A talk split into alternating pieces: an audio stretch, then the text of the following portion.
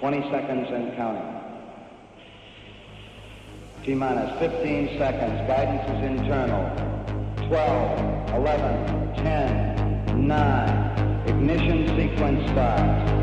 6, 5, 4, 3, 2, 1. First rule of Fight Club is Shut the fuck up, Donnie. you do not talk about Fight Club. This is the View Review Podcast. Take a big step back and literally Fuck your own face! Who the fuck do you think you're talking to? You can't fight in here. This is the war room. Yippee-ki-yay, motherfucker. Turn it up! Turn it up! Velkommen til The View Review Podcast, episode 83. Jeg hedder som altid Kuno, og jeg er har sammen med Fluernes Herre, MC Fluen, også bare kaldt for Fluen.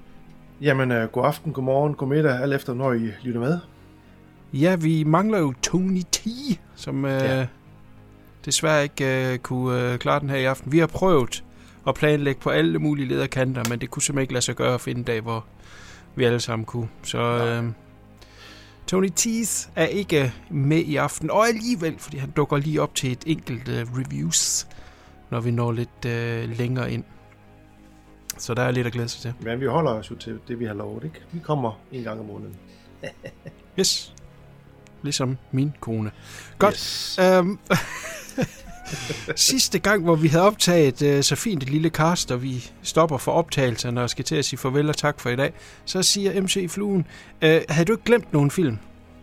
Og øh, det havde jeg jo, fordi at, øh, i den her trailer, jeg smider ud, der var der nogle, nogle film, som slet ikke blev nævnt. Og det er selvfølgelig øh, en total forglemmelse fra min side af. Så vi starter lige med to hurtige pickups, Ja. øh, inden øh, vi kaster os øh, videre i det. Og den ene, det er jo en film, som du allerede øh, har anmeldt, nemlig Pig, Mm. og den her Nicolas Cage-film, øh, film, øh, som handler om den her øh, trøffelgris, som øh, Nicolas Cage ejer. Han bor i den her øh, skov helt alene, som sådan en enebor. Og så har han den her gris, som har en fantastisk øh, næse for at finde øh, trøfler, som han så sælger til det fine restaurationsbrug ind i byen. Øh, men der er så nogen, der har fået øh, nys om den her øh, gris og dens evner til at finde trøfler, så den bliver bortført og tvinger derfor Nicolas Cage til at tage, bage, at tage tilbage ind til, øh, til byen, hvor han så skal se sin egen fortid øh, i øjnene, og vi er så med på den her øh, lidt specielle rejse, øh, meget stemningsfuld. Remind mig lige, hvad det var, du synes om den, øh, MC Fluen, så kan jeg hoppe ind bagefter. Jamen, jeg synes, den var... Jeg, jeg husker, som om jeg sagde, at det var så ikke en, en type film, som man troede, det ville være. Altså, man troede, det var sådan en slå på tæven uh, revenge-film. Og det er det jo sådan set ikke. Tagline kunne egentlig bare være, Nicolas Cage laver mad til hans fjender. Ikke? Øhm, ja, ja, ja, men jeg fandt, den, jeg fandt den ganske overraskende. En fin lille film, og jeg synes, øh, det der sprang mig i øjnene, var selvfølgelig Nicolas Cage. Øh, hans måde at spille på i den her film. Han plejer jo at være lidt, han er lidt over the top, og du ved, meget flyvsk. Øh, Det er han slet ikke i den her film. Han er jo helt nede på jorden, og sådan lidt, lidt, lidt sørgelig person egentlig. Øh, øh og jeg, den efterlod mig rigtig faktisk med en rigtig god fornemmelse af filmen. Ja, men det vil jeg ikke kunne uh, langt hen ad vejen. Du er selvfølgelig ret i det første. Alle de tænkte, at det var uh, en uh, John Wick med en gris. Mm. Uh, faktisk nogle steder i verden, der hedder den, uh, har den undertitlen Robs Hævn. Altså ikke, nu er jeg oversat til dansk, ikke? om de forskellige sprog rundt omkring. Der hedder den Robs Hævn, han hedder Rob i filmen. Ja. Så det er jo klart, at det ligger lidt op til, at det er en anden type film, men det er slet, slet, slet ikke det. Og som du også selv siger, så Nicolas Cage, som er kendt for at være den her flyvske karakter i, i mange af hans film. Uh, når man siger Rage Cage, så ved man, uh, så ved man Ja. godt, hvad, hvad klokken er slået. Ikke? Yep. Og det er der intet her i. Han er meget underspillet og, og, og tilbageholdende. Uh, og han giver den her underfundige uh, uh, karakter. Jeg vil sige helt sikkert, at det er den bedste Nicolas Cage-film uh, længe, men øh, nødvendigvis ikke er hans bedste præstation, som jeg synes, øh, øh, jeg hører mange steder, at det skulle være, åh, det er Mm. bare det bedste, han laver nogensinde. Altså, han er jo bare meget, meget, meget, altså han putter så mange øh, restraints på sig selv, øh, og, og det er en fin facet, vi ser af ham her, en, en fin facet af hans skuespil, men øh, for mig, når han brænder igennem, for eksempel som i Mandy, øh, synes jeg, øh, trækker til noget, noget bedre, end, end, end det gør her. Men det, det skal slet ikke være et minus. Det er som sagt en, en, en en fremragende film, og den her øh, stemningsfulde øh, måde, den er lavet på, meget øh, minimalistisk og simpel. Jeg vil dog sige måske, at det er en engangsfilm. Da jeg havde set den færdig, så havde jeg, som du også siger, jeg havde en god fornemmelse. Jeg synes, jeg havde set en god film, og det er en god rejse, og der er nogle øh, fantastiske scener. Der er nogle gode skuespillere, fået Nicolas Cage, og det er Alex Wolff fra Hereditary, der er med, mm. og så Adam Arkin, som er søn af Alan Arkin, som vi har øh, vendt tidligere. Så så der, den, den mangler ikke noget. Den er godt skudt og, og flot fotograferet og sådan noget der. Men efter et par dage, så var det sådan lidt, jamen, der var måske ikke så meget i den. Har, har, jeg, har jeg lyst til at se den igen? Jeg, jeg, jeg kan ikke lige se at jeg skal se den igen. Øh, så, så jeg har ligesom fået det ud af den, som den øh, kunne servere første gang. Men altså, hvem ved måske om nogle år, den kunne, kunne være interessant at, at, at se igen. Men, men med det vil jeg egentlig bare sige, at øh, nu har du købt den på Blu-ray. Jeg vil mm. måske sige, at den er fin nok til en, en streaming øh, ja. oplevelse væk, og man ser den igen. Nu var der noget sjovt ekstra materiale, for eksempel, uh, han er jo en, en meget fin kok, finder vi jo så ud af. Tidligere fin kok, da han vender tilbage til byen, og alle har ligesom respekt for ham, og hans navn står som noget stort. Og vi ser ham også lave mad undervejs i filmen, og der er han så ude ved en kok i det her ekstra materiale, og ligesom skal lære at lave de her ting. Ja. Uh, det er sgu meget sjovt at se uh, ja, helt sikkert. Uh, ham lære det. Ja. Ja, det er altså ekstra materiale. Der er ikke så meget ekstra materiale. Der er lige det der med, hvor han... Nej, nej, nej, nej, men, men øh, det der, det der. Men det er så en, der kan stå på hylden, og så kan man finde den frem måske igen om på og sige, skal man lige tage et kig? Men det er jo ikke så en, man ser hvert år, ligesom man ser med Jaws, for eksempel. Nej, så, nej, nej, nej. Så det er jo ikke sådan en, så meget der det, heller ikke Det er det ikke. Nej, nej. Det er en debuterende instruktør, der hedder Michael Sarnowski. Øh, han har åbenbart øh, gjort det godt med den her, fordi at han er allerede hyret ind til at instruere The Quiet Place 3. Ah. Så, øh, så øh, et eller andet har han da kunne vise. Jamen, det er da helt sikkert uh, godt håndværk og fin film. Altså, jeg tror bare, at den tog mig lidt sådan på benene, for jeg havde ikke nogen forventning. Jeg tænker, åh, det er sikkert noget tis, det her. Så jeg blev gladelig overrasket, da jeg så den. Men som du siger, det er jo ikke ja. en, at der har nogle dybere indhold i den som sådan. Nej, nej, nej. Men uh, bestemt et uh, kig værd. Ja, helt sikkert. Godt. Den anden, som jeg havde lovet, vi skulle snakke om, men aldrig nået, det er The Sicilian som er øh, Michael Cimimos Godfather fætter, om man vil, fra 1987. Det er Mario Puzo, som skrev Godfather. Han skrev en bog, der hedder Sicilian, som øh, omhandler den her øh, outlaw på Sicilien, som øh, kommer ned fra bjergene af og bekæmper politikerne og kirken øh, og ender med at være lidt en torn i øjet på, øh, på mafiaen. Men samtidig så bliver han en held for folket, og så de ved ikke rigtigt, hvad de kan gøre ved ham, fordi hvis de slår ham ihjel, så bliver han en martyr, og de kan heller ikke bare lade ham løbe rundt og gøre det, han, han gør, som er at stjæle mad til øh, de fattige, øh, til de fattige bønder. Øh, så han får ligesom den her kult status og så, øh, så der er sådan lidt politisk spil i den, øh, og samtidig skal han finde ud af præcis, hvor at han vil lande. Det lyder måske ikke så spændende igen, men den er faktisk super spændende. Og den foregår i den samme periode som øh, Michael Corleone fra Godfather-filmene. Øh, han bliver jo sendt øh, i eksil, da, da han har skudt ham her... Øh, øh, politimanden i, i, i den første, der bliver han jo sendt til Sicilien. Og det er så øh, i selve bogen, som også hedder Sicilien, der, der er altså noget med øh, Øh, Corleone og så noget med den her øh, outlaw. Intet fra øh, Godfather-film med Corleone eller noget som helst er med i den her film. Vi følger kun den her outlaw. Og den bog, den fik øh, Maximino øh, hænder i, og fik lov til at lave den her store film. Vi har jo tidligere snakket om øh, Heaven's Gate, som var den der kæmpe filmfiasko, som øh, endte med at bankrupt et øh, filmselskab. Og, og, og mange mener egentlig, at det var Øh, slutningen på hans karriere. Øh, men efter at have set den her, bliver jeg nødt til at sige, at det må være den her, der har været slutningen på hans karriere. Fordi det er stadigvæk en stor, flot film. Er selvfølgelig ikke på samme højde som Godfather noget som helst, men det er stadigvæk en stor anlagt øh, film. Det er øh, Christopher Lambert, der spiller hovedrollen, og Christopher Lambert tænker man måske ikke lige på til sådan en stor film, som skulle gå i, øh, gå i sko af, af, af Godfather. Men det var fordi, at han var jo sådan lidt på the up and up efter Highland og, og, og den her periode med Subway og sådan noget han var spået til at blive den helt store øh, øh, nye skuespiller, og derfor så blev han snappet op til den her film. Han kan ikke helt bære det. Øh, hovedrollen og den her øh, karakter, som skal være sådan lidt øh, folkelig, og, og han er sådan en bandit med et glimt i øjet, og, og, og den, den, den kan han sgu ikke lige helt øh, sælge os på, desværre. Øh, så hans øh, kompagnon i det her øh, foretagende er spillet af John Turturro, en tidlig rolle af John Turturro, og han gør det noget bedre, må man sige.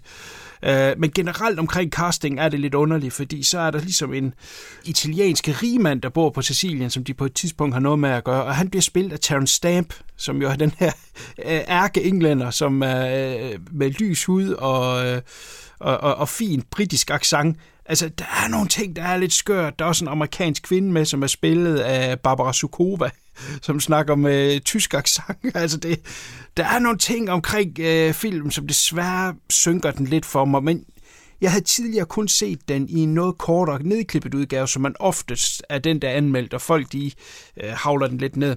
Nu så jeg den i dens director's cut.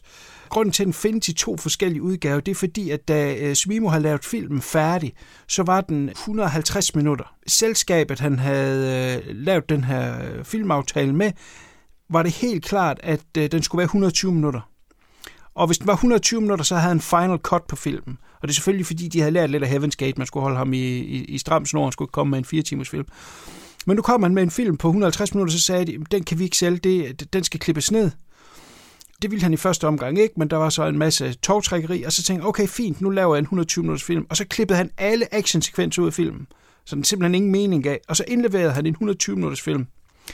Og så var filmselskabet jo lidt på den, fordi nu havde han jo overholdt hans del af aftalen. Han havde final cut, hvis han kunne lave den på 120 minutter, og han havde givet den med en film, man ikke kunne udgive. Det var lidt hans håb, at de så sagde, oh, okay, fuck it, så laver vi den 150 øh, minutters udgave. Men det gjorde simpelthen bare, at de fik advokater på, og på en eller anden måde fik ham smidt ud af den her aftale, og så kunne klippe deres egen udgave, som så blev lidt kortere end, øh, end de 120, en time 55, og det er den, man ofte ser anmeldt, som folk de siger, det er øh, ikke særlig vellykket. Og det er den heller ikke, og det var den, jeg havde set for nogle år siden, øh, som jeg også synes var noget afstumpet. Nu har jeg så endelig set Director's Cut, som er de her øh, 2 timer 25 minutter, og jeg synes faktisk, den har noget storhed i sig. Jeg synes faktisk, at den er pretty cool. Igen, og selvfølgelig overhovedet ikke som en, øh, en Godfather efterfølger på nogen måde, men hvis man ser på den isoleret set, så er der altså noget storhed i, som Michael Cimino kunne, og, og, og nogle rigtig flotte scener deri. Der er lidt med det casting der, der desværre sænker den lidt. Men jeg synes helt klart, at øh, den er et, øh, et kig værd. Jeg ved ikke, om det er en, du har set. Jamen i så fald, så er det jo milliarder år siden, og så er det jo den kottede version, kan jeg så høre på det hele, jeg nok har set. Men er den ude på noget streaming, eller er det et fysisk medie, eller den Director's Cut? Det er, øh, undskyld, det er en øh, Blu-ray. Øh, jeg okay. kan sgu ikke huske, hvem det er, der har udgivet den. Den, jeg har en tysk, men jeg tror altså, det er et, fordi det er en meget pæn kopi egentlig. Mm. Jeg tror, den er ude fra noget amerikansk også. Okay. Uden jeg lige kan huske præcis, hvem det er. Altså, jeg kan overhovedet ikke huske den. Øh, det er sådan, som du har hvad hedder, omtaler den. Så det kan godt være, at det er enten så jeg ikke set den, altså det er langt, langt, langt tilbage, at den slet ikke lige ringer ja. nogle klokker. Men jeg skal nok have besøg nu her, efter man uh, får pakket sin Godfather-boks ud, som ligger på posthuset og venter. ja, som sagt, øh, vent lige en måned eller to efter, du har set dem, til at øh, du kaster dig i krig med den her. Men ja. igen, altså, der er den her storhed, som der var i hans film. Ikke? Som, ja. Altså, han kunne godt lave noget, der var stort og flot, men nogle gange blev det jo simpelthen så popøst, at det nærmest øh, blev knust under det, som det mm. lidt gør i Heaven's Gate. Men den her film havde han jo troet var den, der skulle redde ham, og den blev nok ikke det helt store mesterværk, som han egentlig troede, det ville, men, men det betyder ikke, at der ikke er et lille mesterværk gemt derinde stadigvæk. Altså, der er stadigvæk en stor, flot film. Okay. Og så må man lige trække det der skuespil lidt ud. Det er så fucking ærgerligt, når man er så tæt på målstregen, ikke? Ja, men sådan er det jo nogle gange med de der skuespillere, der er hotte i tiden, så skal de bare presses ind et eller andet sted, desværre. Ja, altså vi skal jo ikke mange år frem, nu, nu siger jeg 87, ikke? Øh, så det er året efter Highlander. Altså, når, da vi træder ind i 90'erne, der er der jo ikke nogen, der længere tror, at øh, øh Christopher Lambert bliver det store. Ikke? Altså, han var jo stadigvæk fint nok populær øh, actionhelt og lavet øh, flere ganske underholdende øh, film, også som vi snakker om den dag i dag. Men det var jo ikke skuespil, han blev kendt for. Nej. Nej. Godt, Nej. det var så lige, hvad jeg glemte sidste gang, så må vi jo se, hvad jeg glemmer i dag. Det må jo så komme næste gang. Ja, sådan er det jo. Cool. Jamen, øh, hvad siger du til at strække benene lidt i en øh, fluens filmkalender?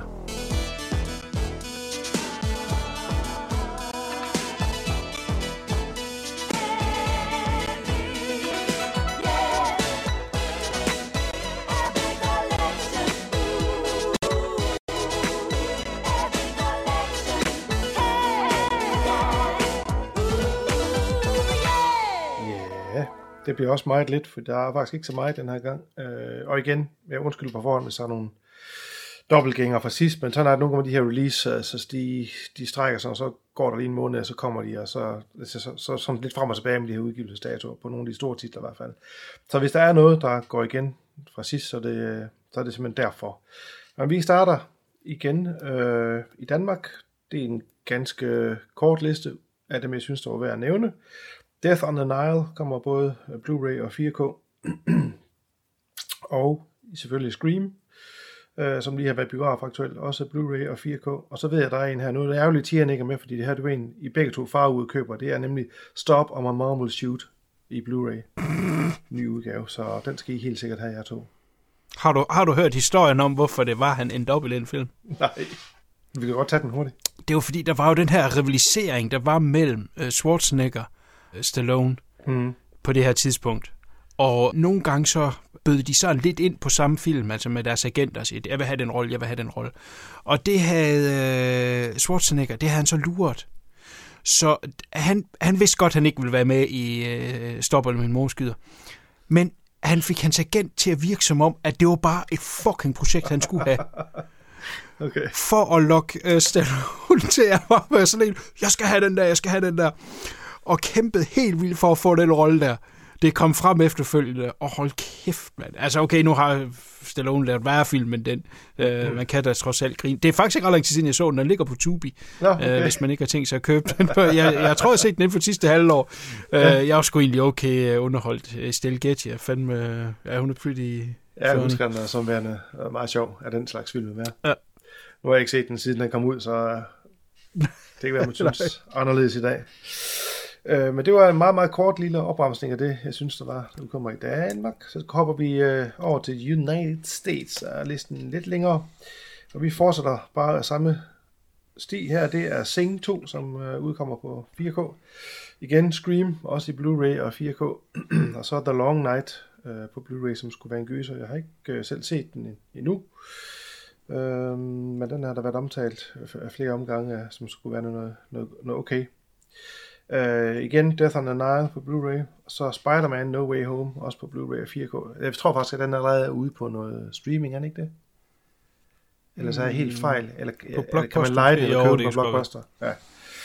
Men den er i hvert fald også på streamingplatform uh, forholdsvis snart, hvis ikke den ikke er der allerede. Uh, Robocop Arrow har- udgiver den i en uh, ny, nyscannet 4K kopi. Uh, Chucky Season 1 kommer på Blu-ray, som man er til den slags. Oh yeah. Ja, ja. Uh, så kommer New Year's Evil i en 2K Restoration, også på Blu-ray. Jeg ved ikke lige, hvad selskab der er, for jeg mente ellers, den havde været under den behandling. Er det 88 Films måske, der har haft den under kniven? Det kan jeg ja. ikke huske. Jeg synes, der har været et eller andet med den film, at den har været udgivet i en restaureret udgave for nylig. Men uh, ikke desto mindre, så kommer den i hvert fald på den anden side af havet derovre. Uh, Heavy Metal 4K. Og så kommer der en uh, lille mini-box set her fra Arrow, der hedder Rogue Cops and Racketeers, Two Crime Thrillers from Enzo Castellari. Jeg ved ikke, om det er et navn, der Uh. uh. er stort inden for den genre der. Du sagde, Hvad snakker du om? Det er Keoma, instruktøren. Nå, er det For satan. Okay, Ja, den ja, Enzo. ja, ja.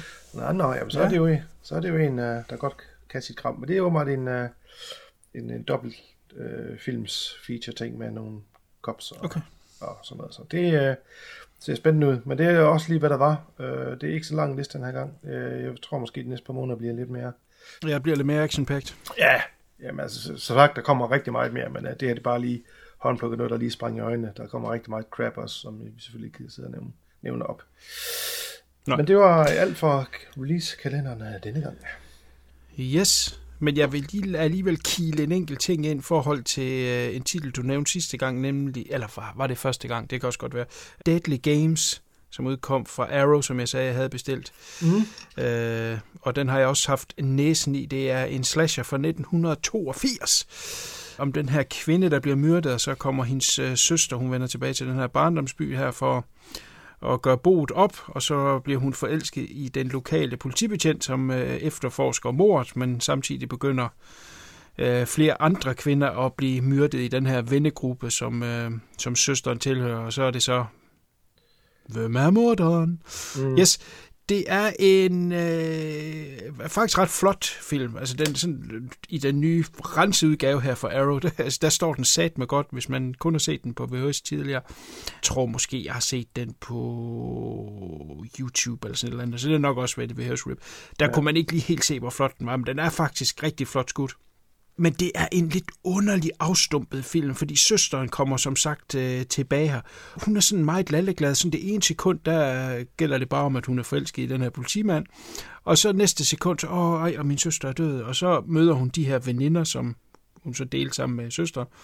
Og sidder de bare og snakker, og er du kommet tilbage til byen, og hvem er det, og hvordan går det med dig, og sådan noget der. Og så efter to minutter samtale, så ah, vi sagde også ked af det med din søster, ikke? Det er så som om, at de glemmer det sådan, åh, oh, nu skal vi være ked af det, nu skal vi være glade, og nu skal vi være ked af det. Så den er, den, den, den er sgu sådan lidt afstumpet. De er jo chokkunder, det er jo derfor.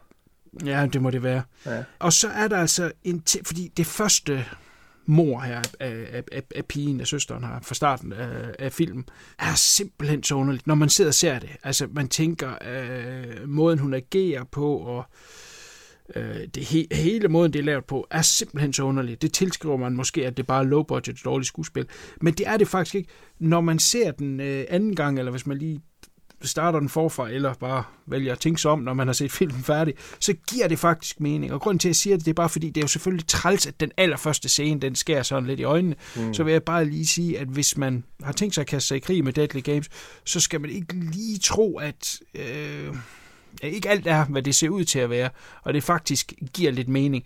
Men øh, det er jo så instruktørens fejl, at han ikke har kunne øh, kommunikere det godt nok ud. Måske var det noget, der kunne vende senere, eller et eller andet i filmen. Men det er faktisk, i hvert fald for mit vedkommende, først da jeg lige satte øh, startscenen på, anden gang, at jeg kunne godt se, okay, der er mening med det nu, mm. hvor jeg forstår det. Okay. Ja, men ellers uh, en Arrow-udgivelse, uh, som uh, altid i, i, i topkvalitet står som sagt uh, skide godt. Der er noget ikke meget, men, men det der er af ekstra materiale er pretty cool. Der er interview med en håndfuld af de medvirkende. Der i blandt instruktøren, som nu er død, men hans øh, kone, som også er med i filmen. Hun kan ligesom fortælle hele rejsen igennem. Virkelig interessant øh, historie, og hun kan så fortælle det hele vejen igennem der. Så det, det, det er super interessant. Og derudover er der også et ganske udmærket commentary på. Nice. Så den er et kig værd, men det er altså ikke den store slasher på den måde. Altså, man skal ikke tro, at det er The Burning eller øh, fredag den 13 eller noget af den øh, stil der. Det er nok til, til sådan mere rendyrket slasher-fans, men den har noget stil, og den er flot skudt, som sagt. Den er sgu udmærket. Øh, Steven Railsback er nok den mest kendte, der er med i filmen. Ja, et kig værd. Helt sikkert uh, Deadly Games fra Arrow. Cool. Ja, lige inden vi springer videre, så vil jeg lige lidt om det, du snakker om her, give et uh, lille shout-out til uh, de her uh, engelske fire episoder, Arrow og 88 Films og Eureka og Second Sight, de gør altså virkelig et stort stykke arbejde på de her restaureringer af de film, de udgiver. Det er, hvis man er, er til de her lidt ældre film, som man godt vil have i nogle nye udgaver, om det så er slashers eller Hong Kong film, så skal man lige tage og give dem et kig, fordi det er altså som regel med creme eller creme, man får. Jeg har ikke været skuffet på noget tidspunkt på nogle af de udgivelser, jeg har haft for nogle af de her tre firmaer. Altså Criterion gør det også.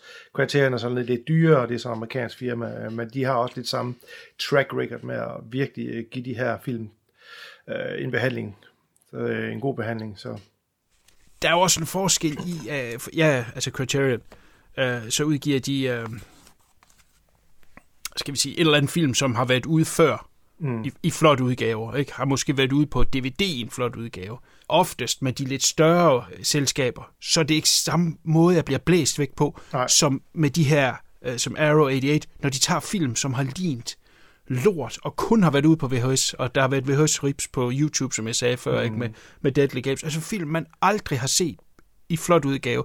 Måske har de kørt i en limited run i biografen, som nogen, der har set dem for 40 år siden, jo, de har set et, en, en flot kopi. Ja, Men nogen færreste. har måske aldrig set så godt ud før. Nej. Altså nogensinde.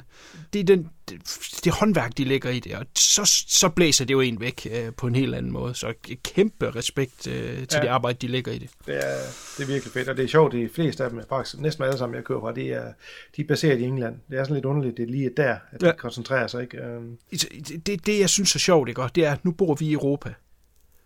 Så vi hvis, hvis, hvis jeg bad dig om at nævne nogle selskaber, så ville du højst synligt først nævne sådan noget som Arrow og 88.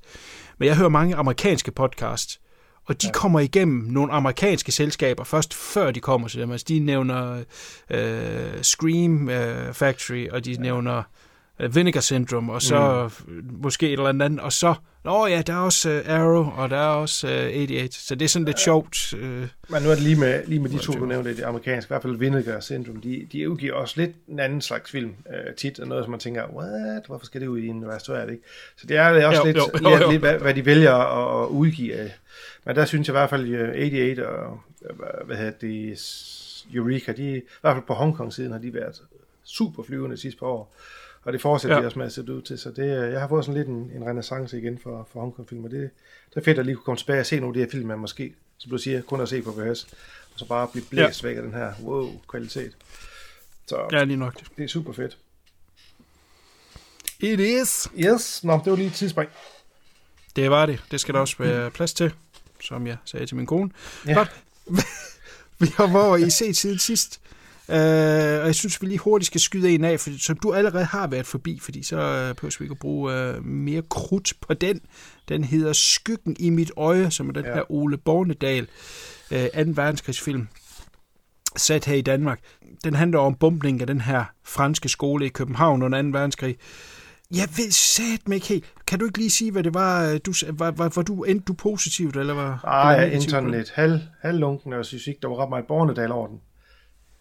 Nej, det er rigtigt. Der er ikke så meget uh, Borndals touch, og han, den film her, øh, det ville godt være hvem selv, der har instrueret den, og så var der lidt med, altså jeg blev lidt mere oplyst om tragedien, øh, som jeg ikke øh, umiddelbart vidste, og så ja, så fremhævede det vist børneskuespil, jeg tror, det var det. Var det. Jeg tror, jeg landede sådan lidt lunken på den. Ja, men det, jeg kan ikke sige det bedre, faktisk helt ned til det med børnene. jeg synes aldrig, at den bliver vedkommende. Nej, der er for mange, altså, man skal den, tage den, hensyn til. Nej, jamen altså, jeg er ligeglad med de der karakterer, og derfor bliver den heller aldrig rigtig spændende. Øh, ikke fordi, at jeg skal sige det, jeg håber selvfølgelig, at de kunne redde så mange ud af ruinerne som muligt, men øh, ultimativt var jeg jo egentlig lidt ligeglad med de karakterer, de nu engang havde, øh, havde mm. vist os. Vi starter med den her dreng, som i i Jylland, mener jeg det er, mm. kommer cyklen, og så ser han så den her bil med øh, nogle piger i, der er på vej til et bryllup, mener jeg det er, som bliver skudt ned af et, øh, et fly, der kommer, som simpelthen øh, skyder hele bilen i stykker, og han kommer så hen, og så ser han så øh, efterspillet af det, og det ender han med at miste stemmen med, og de kan ikke få ham til at snakke igen, og derfor så er det så, at moren sender ham til København, og der skal han så gå i skole over og skal bo hos øh, en anden familie, som har øh, en pige. Og så møder også den her... Det er en søster. Ja, ja. Det er jo egentlig... Det er jo egentlig dem, vi skal følge på en eller anden måde, ikke? Og jeg synes, det bliver forsøgt med hans øh, talen, ikke? Og jeg ødelægger ikke noget ved at sige, at han får stemmen igen lige da ja, han skal. Der kan man jo, der kan man jo se komme øh, 10 km væk, jo. ja, ikke? Og, det, og det bliver sgu lidt søgt.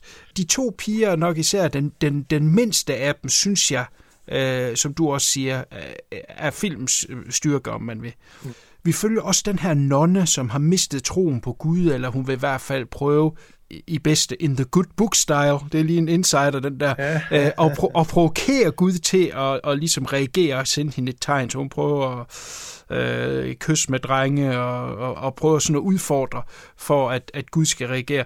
Og så selvfølgelig lige den dag, hvor hun bliver smidt ud af, af, af klosteret, om man vil ud af skolen, så er det alt det her, det sker, og så har hun så muligheden for ligesom at redeem herself, men det ender alligevel ikke rigtig med at ske.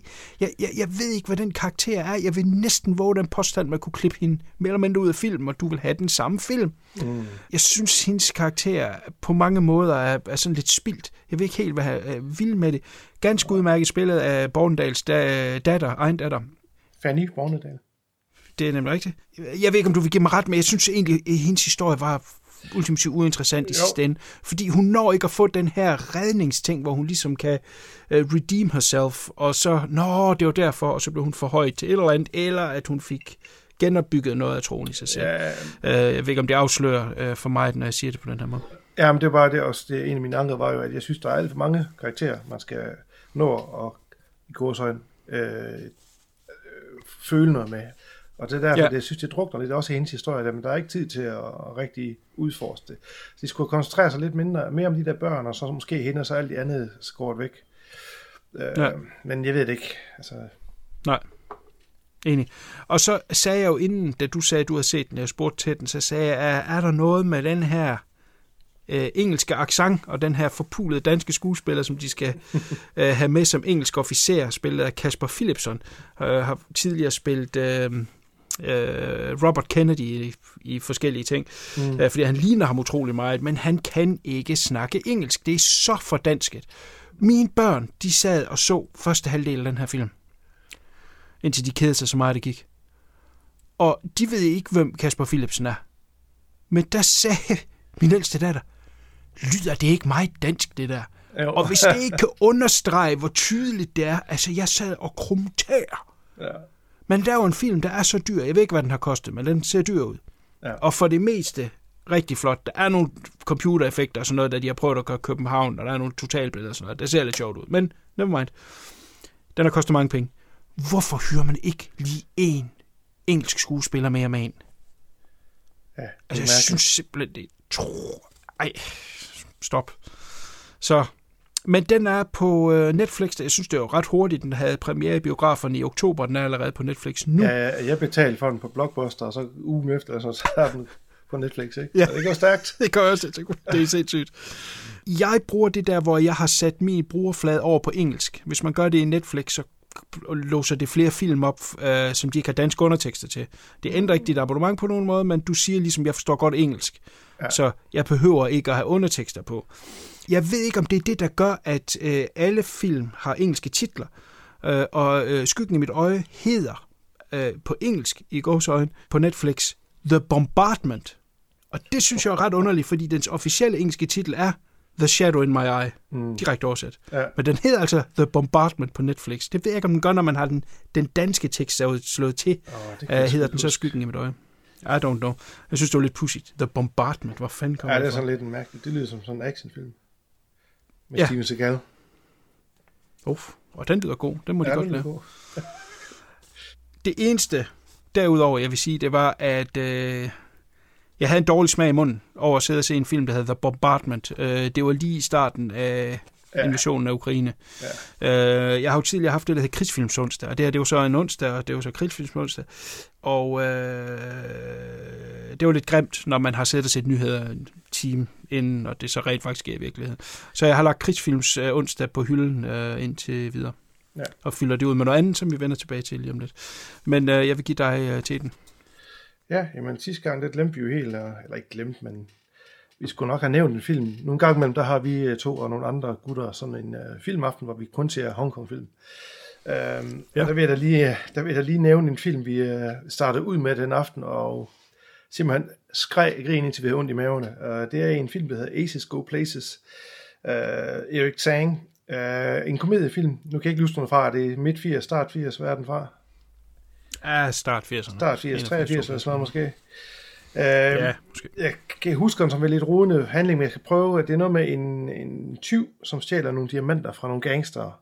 Og så framer han så en anden tyv for det, og så er der noget med nogle politibetjente, der bliver øh, involveret i det her, og slår sig sammen sammen med ham, hvad hedder det, øh, King Kong-tyven der, og så skal de øh, besejre White Love og Mad Max, for at finde de her diamanter, som er gemt et sted. Øh, altså, den er jo vanvittig morsom. Allerede fra starten af, fra startsekvensen, der sidder man du og skriger og griner. Vi sad fem eller seks fuldvoksne mennesker og skreg og grin i halvanden time.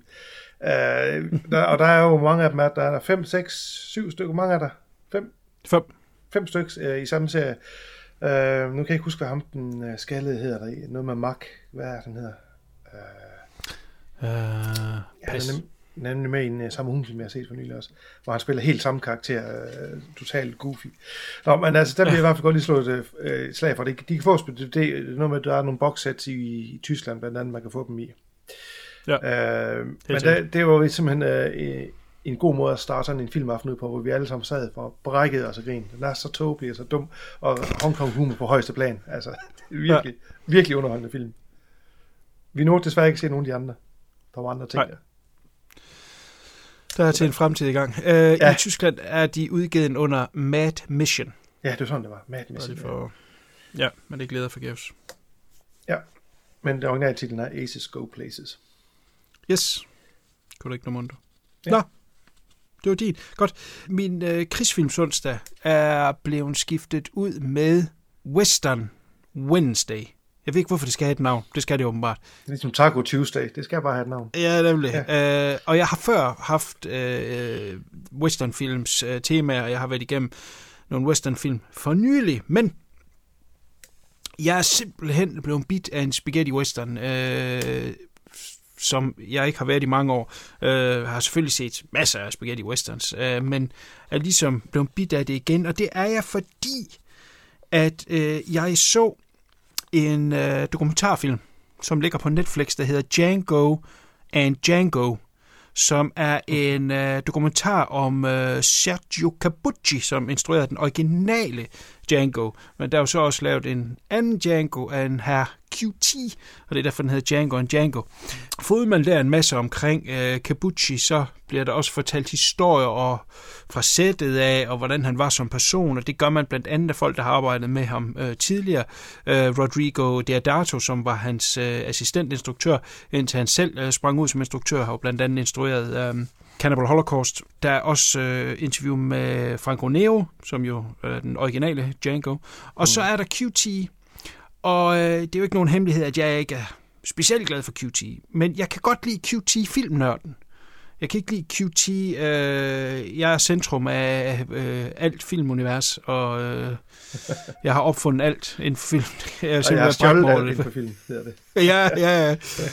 Men, men når han bare sidder og snakker om hans, øh, hans kærlighed til Kubucci, det har jeg ikke noget øh, problem med. Han har også nogle øh, gode inputs og alt sådan noget der. Men selve den her dokumentarfilm ligger måske lidt for meget vægt øh, på QT, ikke? fordi nu har vi fået en stor stjerne med, så skal han have mm. utrolig meget taletid. Og det bliver til for meget taletid, og det bliver også til for meget useriøsitet. For eksempel så starter de første fem minutter med en fiktiv sekvens, hvor at øh, karaktererne fra øh, Once Upon a Time in Hollywood, som øh, ham Dalton der, altså øh, mm. DiCaprios karakter, han tog til Italien for at lave nogle westerns.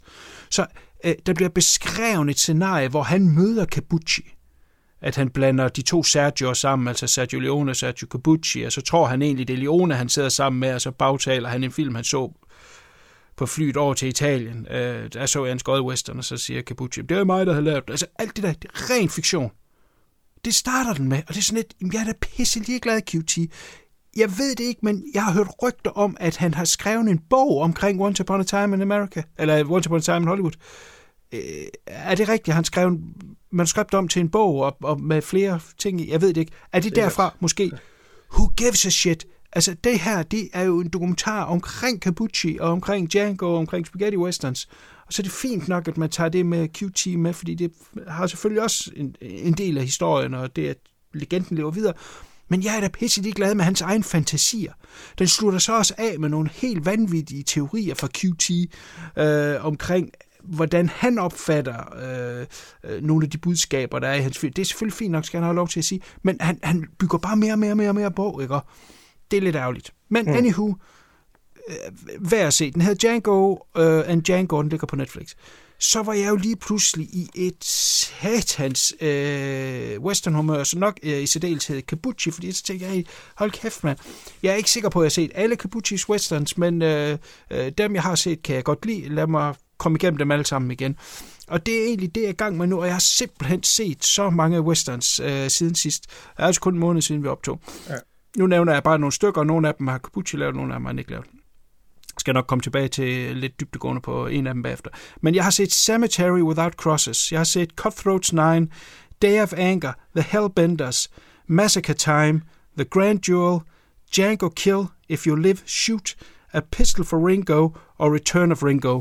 Og så har jeg set den, vi skal snakke om nu, der hedder Compañeros, som på dansk hedder Lad os dræbe som er af Capucci.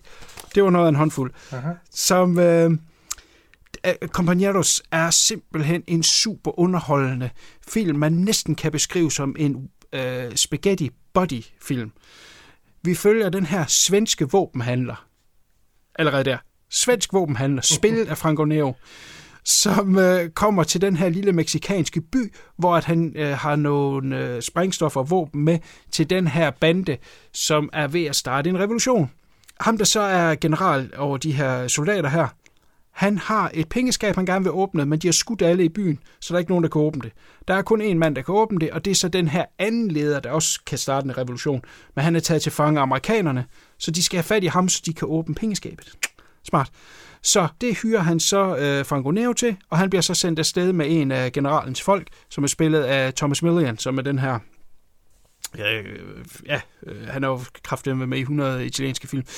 De her to, de bliver så sendt på den her rejse, hvor de skal hen og befri ham her, og de kommer ind i alle mulige problemer, som er sådan lidt i det her body-body noget, fordi de kan egentlig ikke rigtig lide hinanden, men de hjælper alligevel hinanden, fordi de har brug for hinanden, og på den måde ender de selvfølgelig med at blive buddies.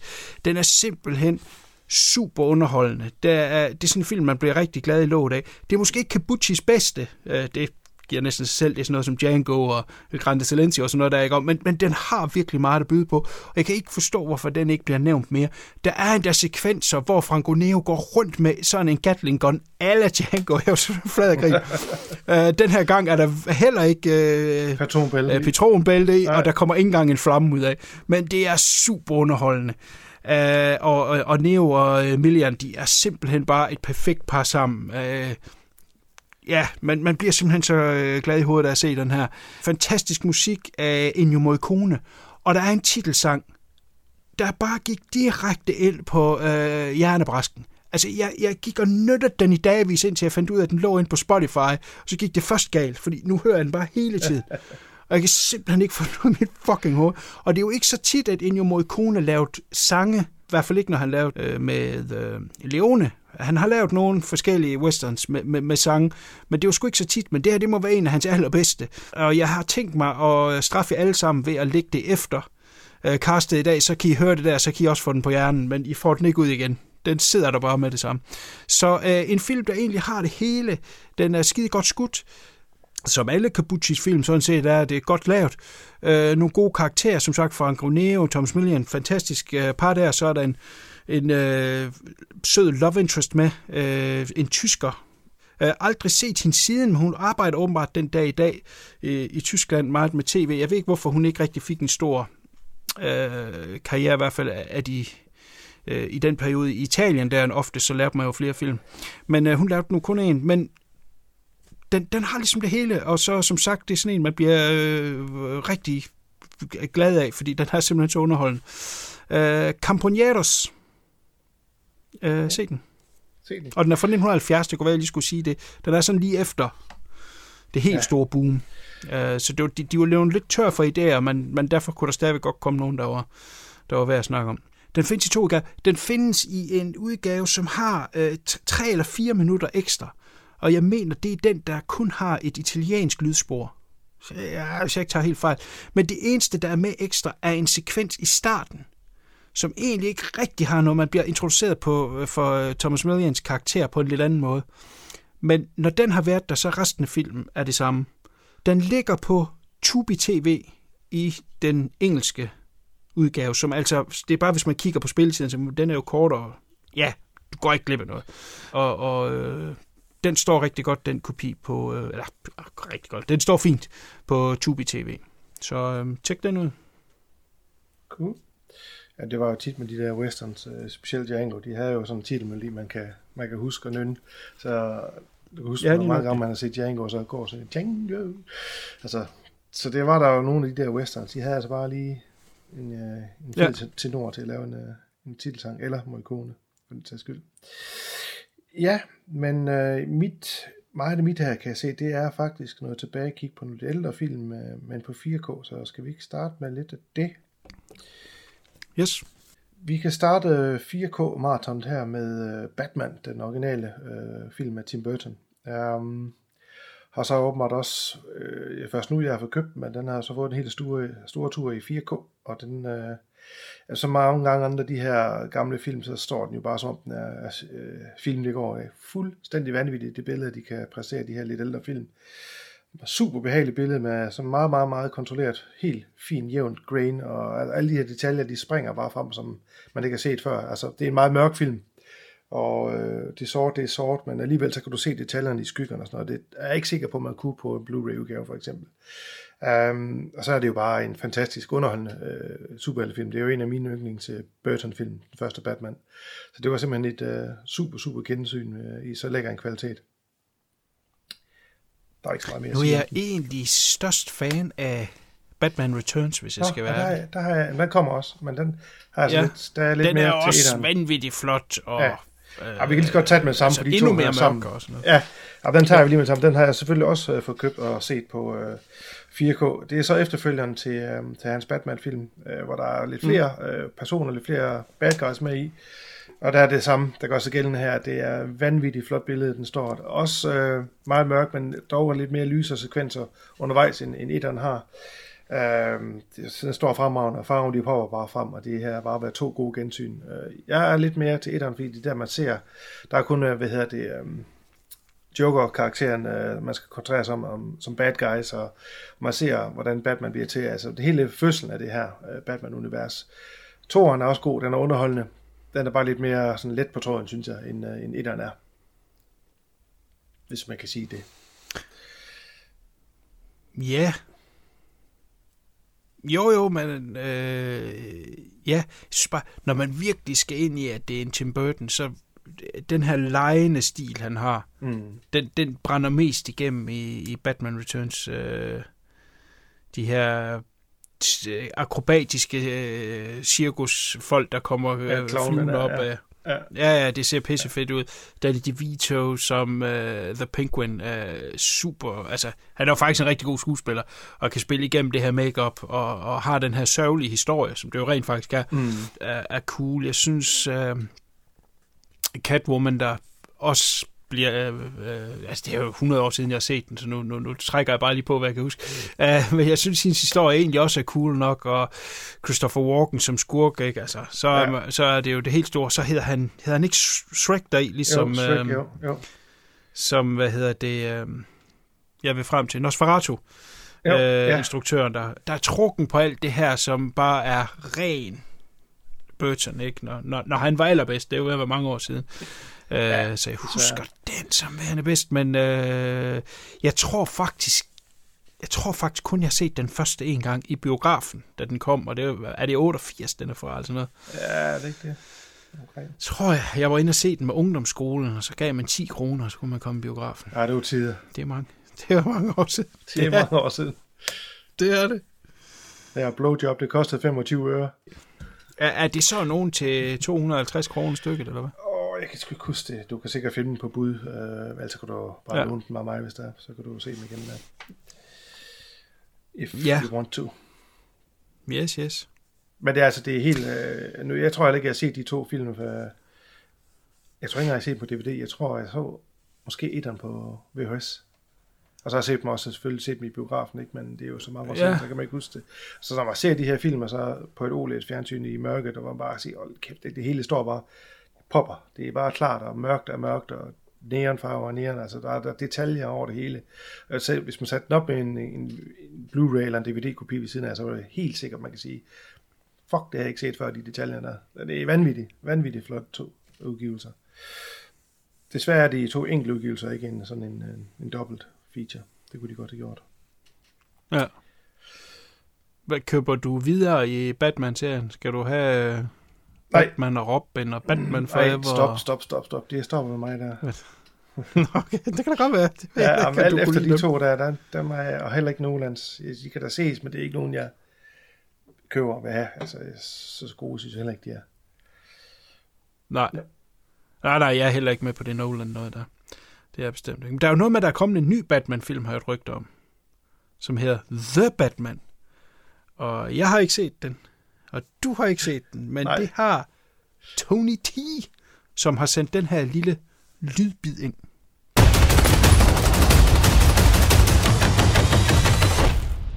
I'm vengeance.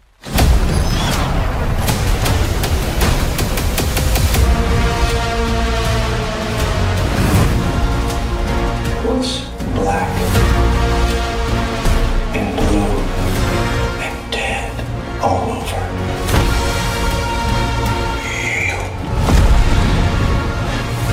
Dick. I got you! I got you!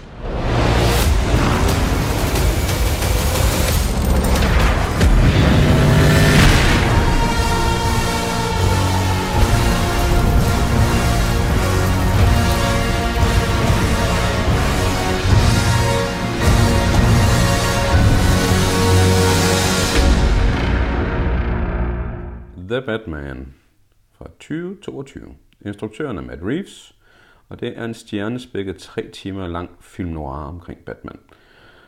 Vi har medvirkende, der har vi Robert Pattinson, Zoe Kravitz, Paul Dano, Colin Farrell, Jeffrey Wright og mange flere.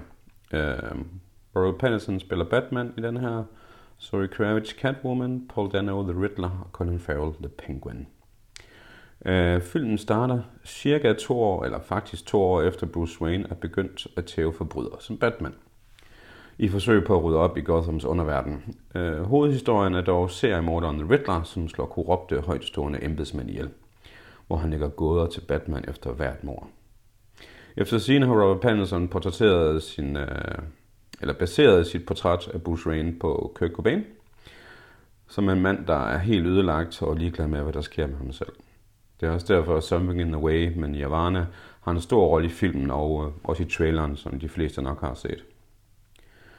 Og befriende nok, så øh, starter den her film ikke med forældrenes død i en gyde og la la la. Matt Reeves han forstår godt, at vi kender Batmans baggrundshistorie. Og filmen er muligt endnu mere dark and gritty end Nolans trilogi, dog ikke så realistisk og kedelig efter min mening. Vi befinder os i en meget mørk og gotisk Gotham, som virkelig klæder filmen. Som uh, The Riddler bliver spillet af Paul Dano, som er hovedskurken i filmen, uh, som er baseret på Zodiac-morderen. Helt ned til hans hovedbeklædning, sådan en maske med briller udenpå.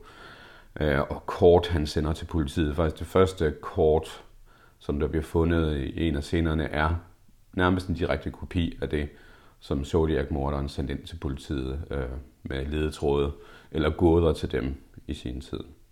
Og der er faktisk også lidt sjovt ikke til Jim Carreys The Riddler, for det er samme slags briller, de har på, de her gennemsigtige øh, øh, hornbriller. Øh, selve handlingen i filmen har hentet meget inspiration fra en meget populær tegneseriehæfte, øh, der hedder The Long Halloween, og også lidt Year One og Hush er blandet i, og også en masse andre, fordi man kan aldrig rigtig lave en film med Batman, uden at man refererer fra utrolig meget af bagkataloget, som der er rigtig meget af. Den her film dyrker også meget ned i Batmans detektivevner, og det er ret fedt, fordi det er sjældent, at filmene igennem tiden har gjort ret meget ud af det. Og det gør den frisk, synes jeg, på en anderledes måde, og det er ikke bare endnu en, en version af Batman. Produktionen den begyndte helt tilbage i 2013, hvor Ben Affleck fik rollen som Batman. Han skulle spille hovedrollen, øh, være med til at skrive manus og producere filmen. Men han sprang fra efter scene på grund af, at Matt Damon havde rådet ham til at, at smutte for franchiset. Og Matt Reeves han tog over. Og Reeves valgte så at skrive hele historien om og hive den ud af DCU-kanonen, Hvilket jeg synes var ret smart, øh, for det gav ham mere frie hænder til at udforske Batman-universet, ikke være hægtet op på, hvad de havde lavet før. Øh, jeg er utrolig glad for den her film. Hele castet er rigtig gode. Det er en flot film, fedt score, og Robert Pattinson er fantastisk som, øh, som Batman, og han har bevist lige siden Twilight, at han faktisk er en rigtig god skuespiller med, øh, med mange fede præstationer.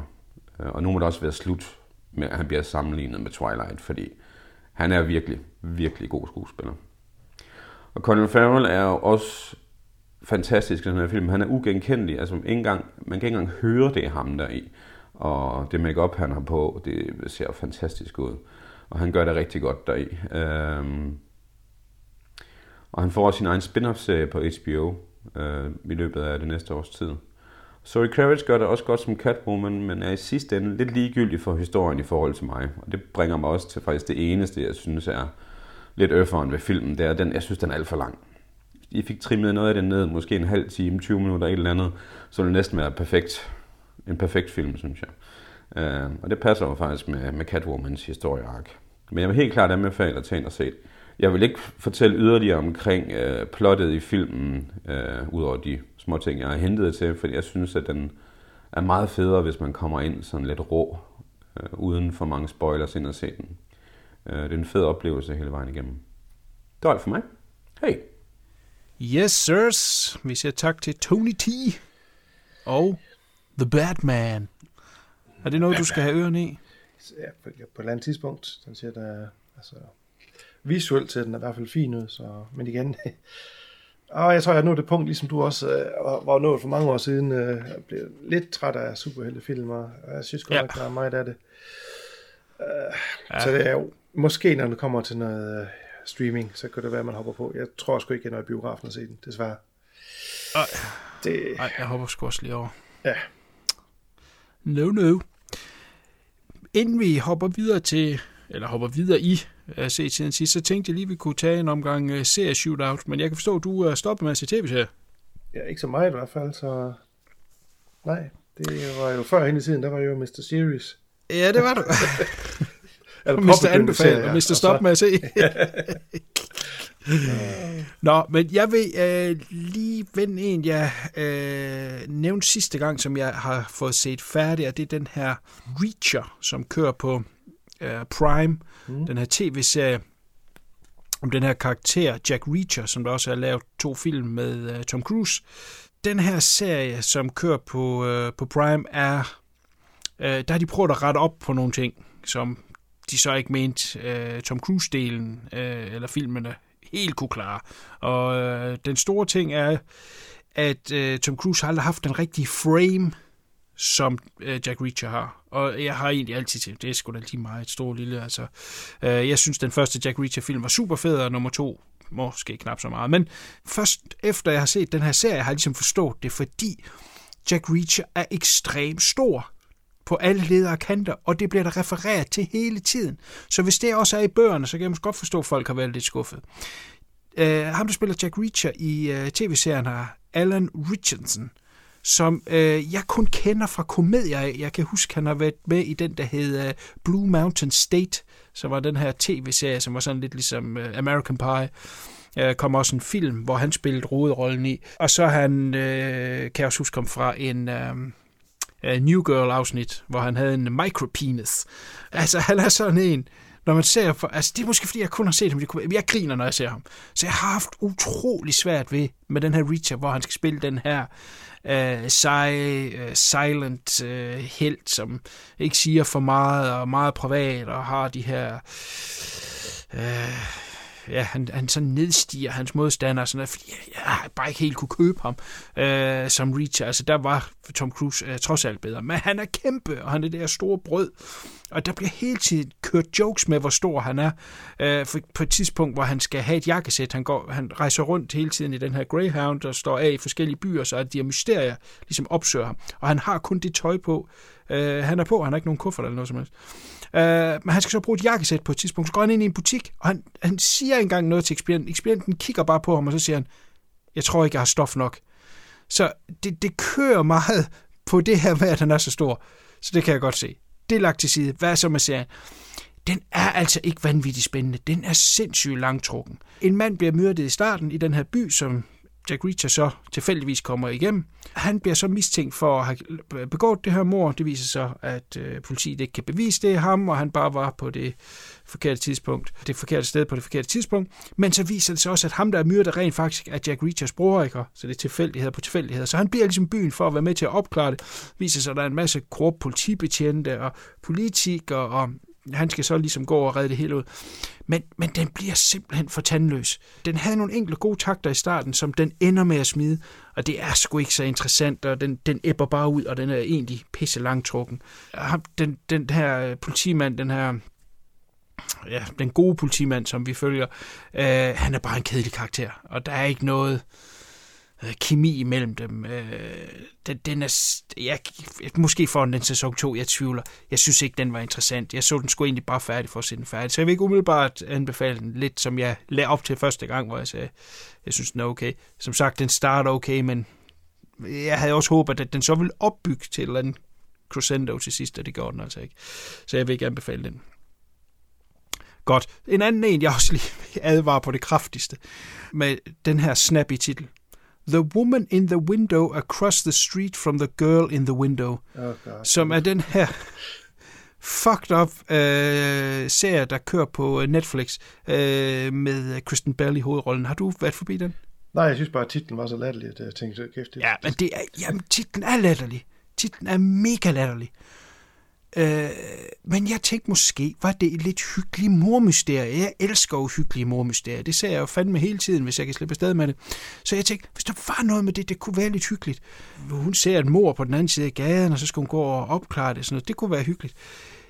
Den starter nogenlunde seriøst. Så det er lidt underligt, at han, den har den her skøre titel. Ganske rigtigt, hun sidder i hendes øh, stol, der vender ud mod vejen. Hun er halvalkoholisk, øh, drikker i hvert fald, øh, så hatten passer. Øh, vi finder ud af, at hendes mand er rejst fra hende, og at hendes, øh, deres datter er død.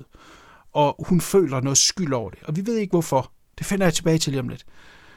Så flytter der en ny mand ind på den anden side af gaden, og hun prøver så sådan lidt at charme sig ind, Øh, og han er måske interesseret, måske ikke interesseret. Øh, summa summarum, så har han allerede en kæreste, som kommer hjem. Og så er hun jo sådan lidt, øh, nå, okay, så kunne jeg ikke score ham, og så er hun lidt hævngærig over det. Øh, hun ser så den her kvinde blive slået ihjel. Og så ringer hun til politiet, politiet kommer, de går ind i huset, der, og der er ikke nogen døde. Og fra deraf, der er det hele tiden et eller andet med, at hun tror, hun ser noget. Hun tror, hun kan opklare noget nu har hun den idé, nu har hun den idé, men det hele tiden falder tilbage på, at hun er sindssyg. Eller hun er så alkoholiseret, at det er noget, hun bare øh, tror, hun har set, eller været øh, for beruset til at forstå, hvad der sker.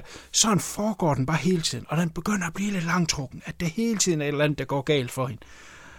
Og så bygger det så op til, hvem kan morderen være? Og jeg ødelægger serien her, så hvis jeg tænker, jeg har set den, så må jeg lige hoppe fem minutter frem.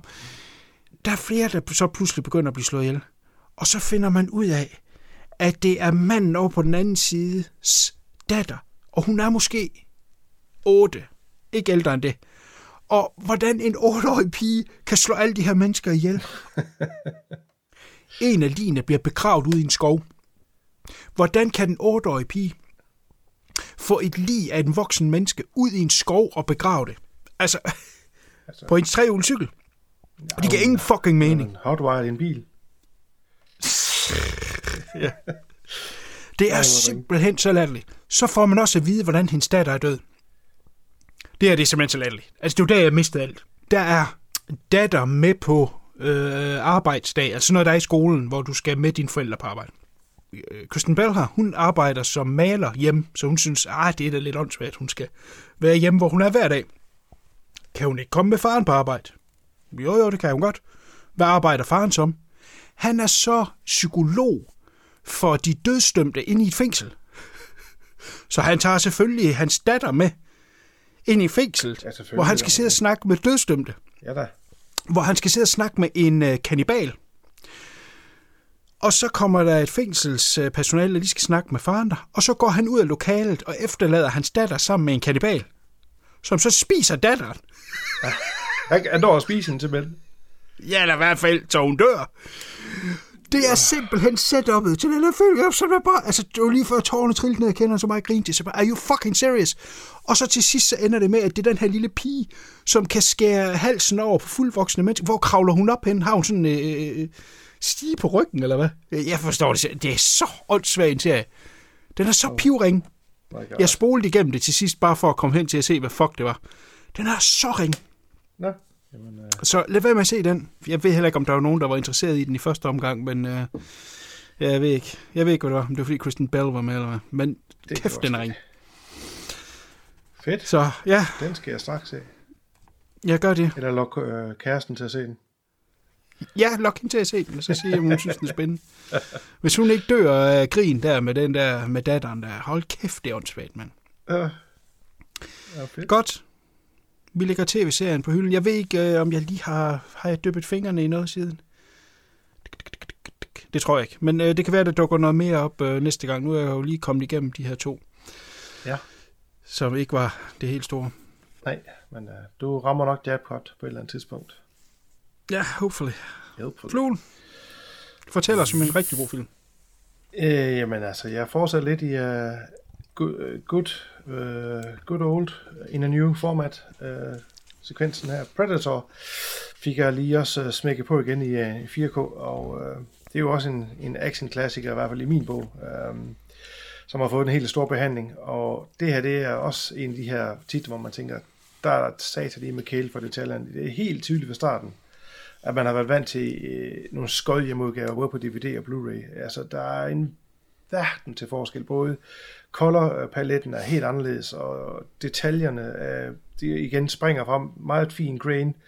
Uh, den står simpelthen fantastisk. Uh, balancen billedet er noget helt, helt andet, end man er vant til. Der, på, jeg kan ikke huske, om det er en DVD eller Blu-ray, jeg sidst har set, men der var nogle scener, hvor var mørk, og jeg tænkte, What? hvad sker der? Altså, hvad er det, vi sidder og kigger på? Det er helt væk på den her. Der er et helt andet tint, øh, som er oprindeligt til, til, tiltænkt filmen. Øh, nu kan man rent faktisk se, hvad der foregår i de her natscener, i de mørke scener. Øh, og så er det bare en film, jeg kan blive ved med at, at se en gang, altså en gang om året, ligesom Jaws og Django og alle dem der. Det, jeg synes, det er en vanvittig underholdende actionfilm. Øh, og den er virkelig, øh, virkelig, virkelig lækker i, i 4K. Jamen, det er, er godt at høre. Godt nyt.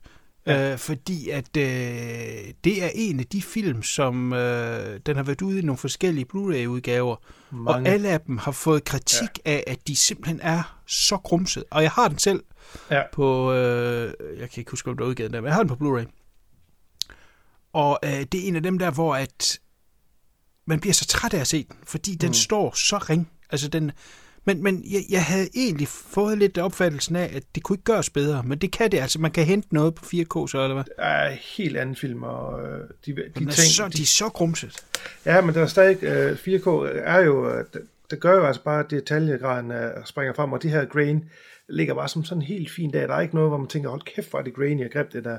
Så der er nogle enkelte scener, og det er altså, grundens øh, materiale, det kommer fra. Det kan jeg ikke lave om på. Sådan er det bare filmens natur. Ja. Øhm, men jeg sad sådan med to, to mig selv i at se, hold kæft, det er ligesom om at se den første gang igen det her. Så det er jo vanvittigt underhold. Man, man åd det hele råt en gang til. Øhm, bare med nye detaljer og helt anden farvepalet og kontrastbalancen er bare helt perfekt. Altså, det er virkelig en kick-ass udgivelse. Øhm, og jeg var også inde og læse om den forskellige steder, blandt andet Blu-ray.com, som er den øh, side, jeg går til, når jeg skal finde anmeldelser, fordi de er virkelig nogle nørder.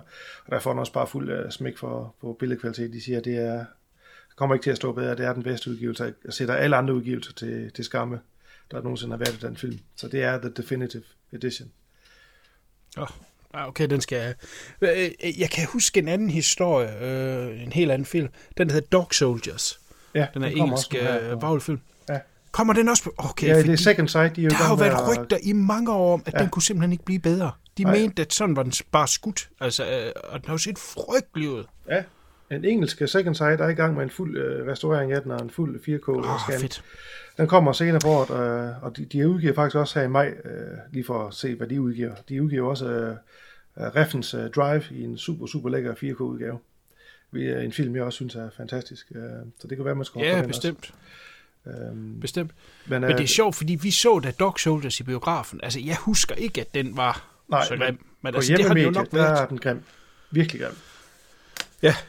Altså, der er, vild, altså, der er et eller andet med den film, hvor jeg bare tænkte, da jeg så den på, var det, det må have været Blu-ray eller et eller andet, tænkte, hold kæft, var den sådan, da vi så den.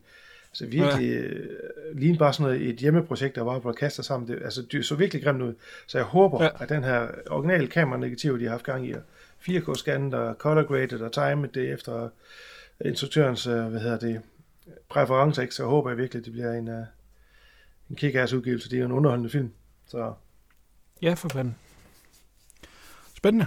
Nej, ja. den kommer jo i Fluens filmkalender. Højst sandsynligt, højst sandsynligt. Down the roads. On the roads, Nå, ja. skal vi tage en slasher? Nå. Faktisk en, som også har været med i Fluens filmkalender. Det er apropos, det er en god segue, den der. Ja. Øh, nemlig Slumber Party Massacre, som er den her remake af film af samme titel fra 1982. Øh, du havde den med i filmkalenderen, og der havde jeg hørt om den inden, men var sådan lidt, ah, jeg har hørt lidt i begge lejre, at det skulle være noget lort, og så var der nogen, der sagde, at det var noget godt, men jeg sagde, fuck it, jeg tager sgu chancen. Øh, og prøv at se, hvad fanden det er.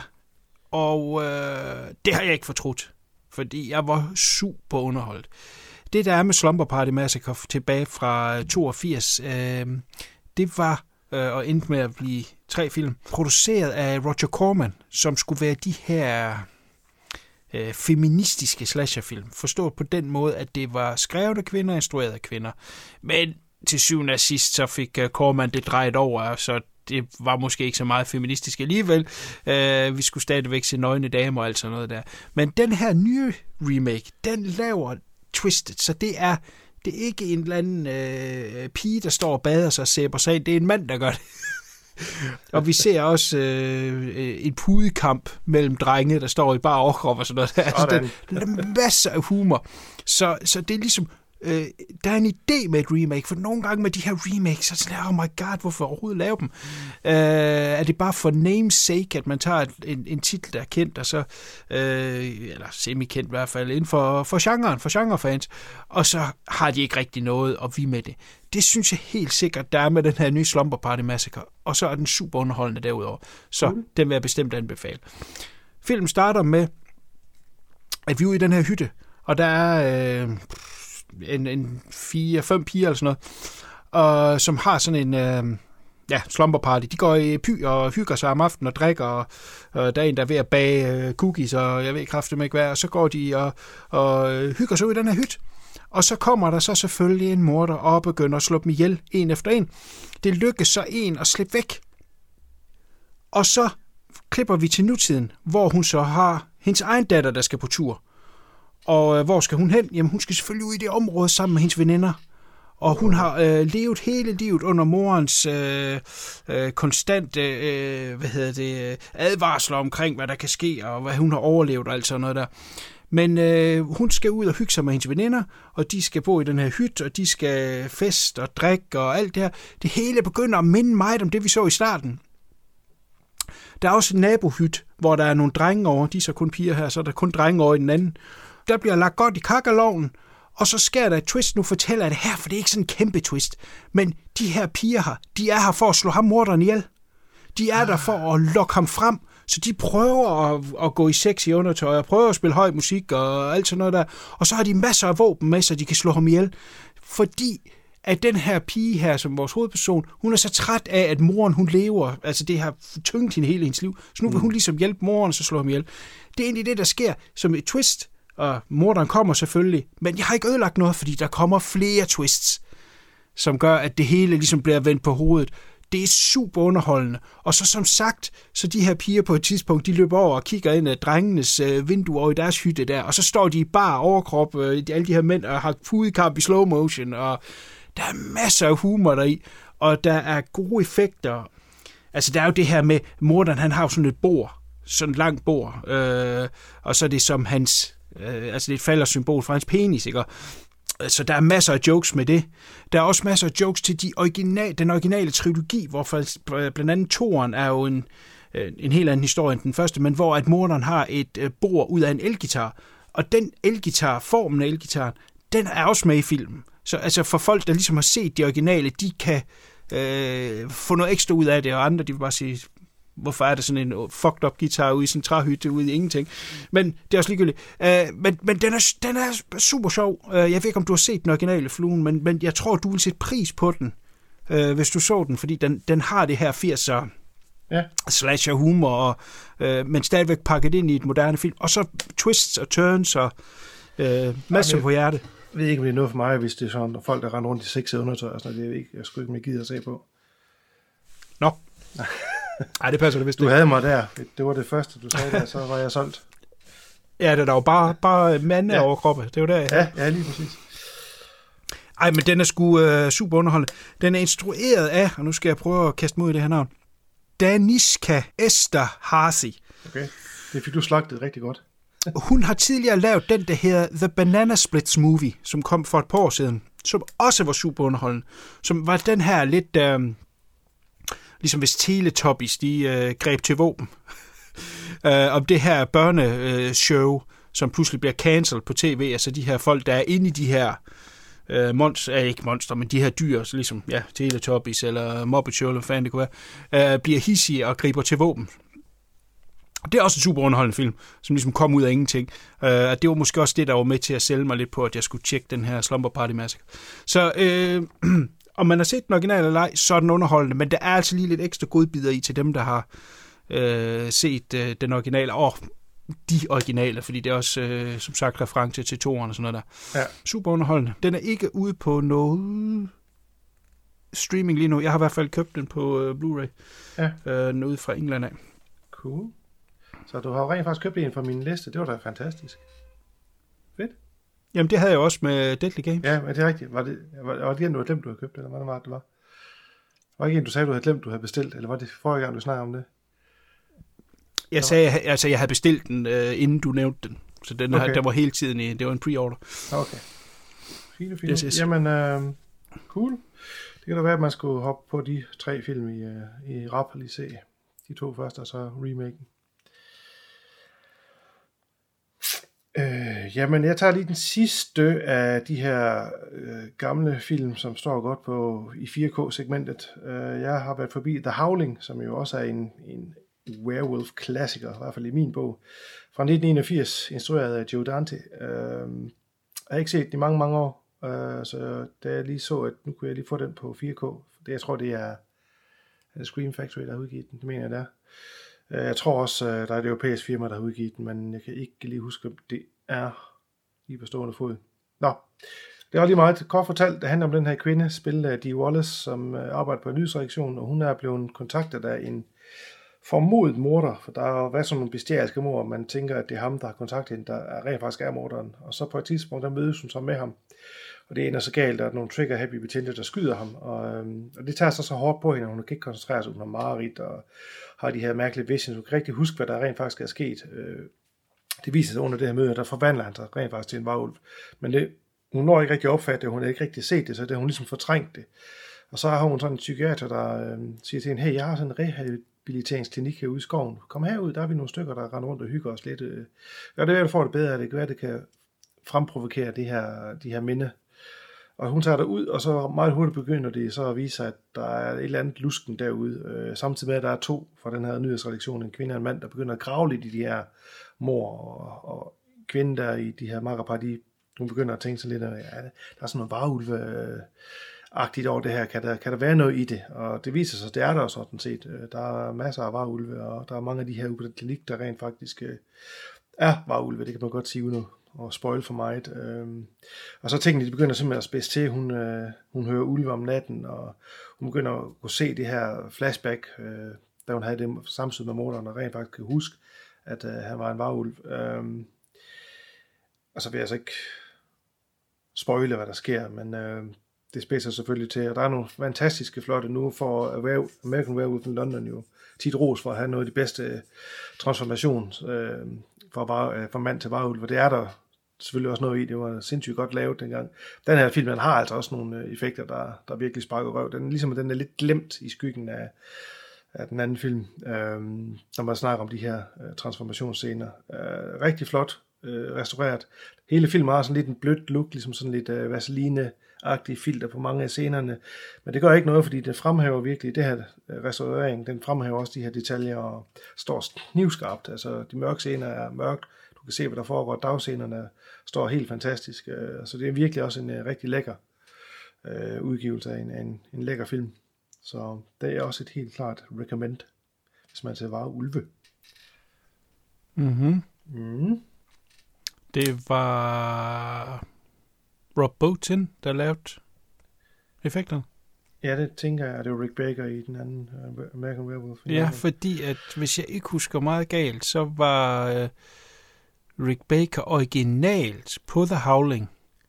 Men han havde i tidernes morgen lov John Landis at lave et eller andet for ham. Så ja. derfor så hoppede han over på American Werewolf in London og lavede hans derover, men han havde sådan lavet øh, benarbejdet på den anden, og så gav han den til hans lærling. Hvis jeg Ja. ikke husker meget galt.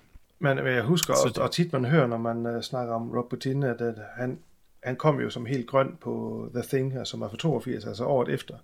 Og han nærmest skulle opfinde alt, hvad han lavede. Altså, det viser han jo så set her i den her film, at han rent faktisk godt kunne lave effekter, inden han begyndte at arbejde på The, The Thing. Så nogle gange så bliver mm. Sådan lidt, historien lidt oversolgt, synes jeg, i- med hensyn til The Thing, at han, oh, han var helt ny og har aldrig lavet effekter før, og skulle lige pludselig lave de her sindssyge effekter.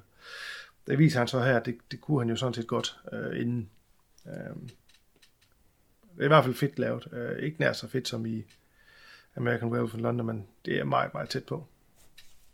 Ja. Jeg synes, det er sjovt, det der med, at man, øh, hvad skal man sige, prøver at gøre den skarpere, fordi det, det jeg husker utroligt tydeligt fra den visuelle, det er det her øh, bløde, bløde øh, softcore porno øh, look øh, Ja, film, den har. Øh, jeg, jeg har svært ved at forestille mig, hvordan det ser ud, når, det, når du siger knivskarpt, og jeg tænker samtidig, at det hele ser så blødt ud. Ja, men det, det er Øh, sjovt. men det virker Jamen, måske. Det er bare, altså detaljerne, de brænder bare igennem stadigvæk. Altså det er ikke, det er ikke fordi, at det her softporn filter, det gør, at den ikke står godt. Det tværtimod, altså det, og det er så heller ikke hele filmen igennem. Det er meget af dagscener, og nogle af de her drømmesekvenser og nogle af de her forvandlingssekvenser, det er i. øh, Så det er ikke i hele filmen, men det er altså så voldsomt. Men øh, det, det fungerer altså. Den forstår knivskarpt i 4K. Nice. Skal du have resten af serien? Åh, oh, nej, jeg kan sgu ikke huske... Øh, Toren, ja, Toren var der ringe, var den ikke det? Jo sindssygt rigtigt. Med det, det, det jeg, jeg tror ikke, jeg har set resten af serien. Jeg tror Men- måske, jeg har set Toren. Øh, jeg har også kun set toren. Resten derfra øh, har jeg ikke set. Det er jo Nej. fandme syv eller sådan et eller andet. Det bliver værre og værre.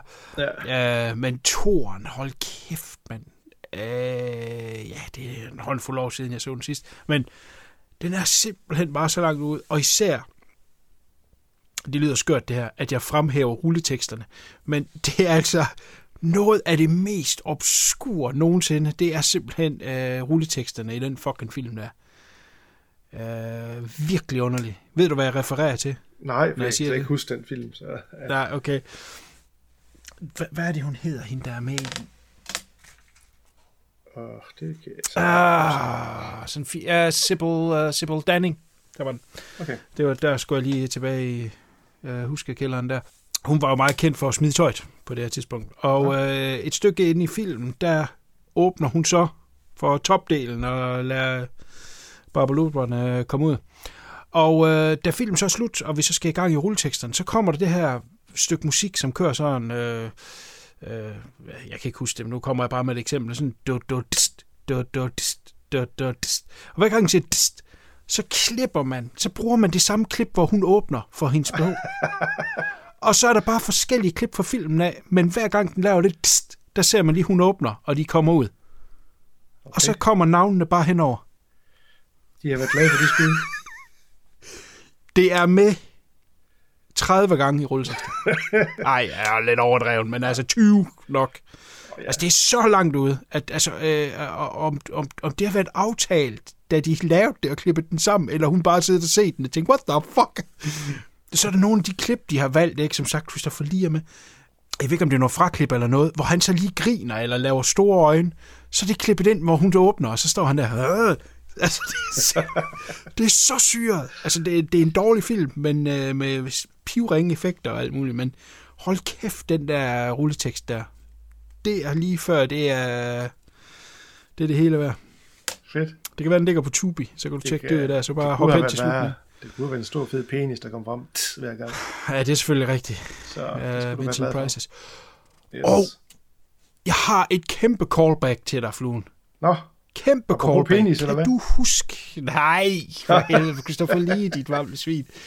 Kan du huske, da Christopher Lee døde, der lavede vi sådan et øh, retrospekt, ja. hvor vi lige nævnte, vi snakkede om ham i 10 minutter kvarter, og vi nævnte forskellige facts, og du havde lavet en masse research, og så nævnte du også, at han havde lavet nogle metalplader. Og, det kan jeg ikke huske. Nej, det er også lige meget. Det kan jeg ja. huske helt tydeligt. Og, øh, og, og det har jeg altid godt tænkt over. Det skal jeg have undersøgt, det skal jeg have undersøgt, det skal jeg have undersøgt. Men jeg har aldrig nogensinde gjort noget ved det. Og det er jo bare lige at gå ind på Google, eller hvad fanden. Ja, Ja. Jeg har aldrig Ja. gjort noget ved det. Så her for 14 dage siden, da jeg er inde på Spotify, jeg åbner lige Spotify, jeg skal, jeg skal til at køre i bus, så skal jeg bare lige høre et eller andet. Så er der sådan en sætning, der hedder... Øhm, øh, øh, noget for dig, eller sådan et eller andet, den finder frem, som den tænker, det vil du gerne høre. Mm. Og øh, det er ikke nogen hemmelighed, jeg hører metal. Så kommer de to fucking Christopher Lee-plader. De står der som et recommend til mig. Altså, er det ikke syret? Jeg har aldrig nogensinde weird. søgt på... Jeg har aldrig nogensinde nævnt det. Det er simpelthen så fucking syret. Så jeg inde og høre det. Og jeg vil sige, at kalde det metal, det er måske lige at spænde... Øh, ja, øh, beduler Genren. lidt meget. Ja. Men der er noget klassisk musik, hvor han så en form for snakker, jeg vil ikke kalde det synger, men altså en form for snakker henover med hans stemme, og så fortæller han ligesom den her historie, og så kan musikken så udvikle sig til, at der kommer noget elgitar og noget trommer ind over, så kan det blive lidt vildt til sidst. Øh, men at kalde det metalplader, så vil man nok blive skuffet. Men det var fandme sjovt at høre, og så var det endnu mere syret, at de bare ligesom dukkede op. Ja, når altså, vi har haft det på programmet på et tidspunkt. Kæft, det er syret. Ja, for så mange år siden. Det er ja. godt nok weird. That's weird. Men jeg kan slå den med noget, der er endnu mere fucking weird. Nu, vi er på total tidsspor lige nu. Men uh, never mind. Vi skal fylde tiden ud, nu når tierne ikke er. Det her, det er det mest weird, jeg længe har været udsat for. Hvis man er i tvivl om, om uh, Google de lytter, når man snakker, så kan de. det her i hvert fald uh, helt sikkert understrege det. Min kone kommer hjem fra arbejde, og så siger hun, at hun har været til et afdelingsmøde, eller et ledermøde, den pågældende dag, og uh, de skulle så vælge en... Uh, jeg kan ikke engang huske, hvad det hed. Var det arbejdsrepræsentant? Et eller andet repræsentant af en art. Og øh, der havde de alle sammen peget på, at det skulle være hende. Og det var hun skide træt af. Åh, jeg gider ikke at være...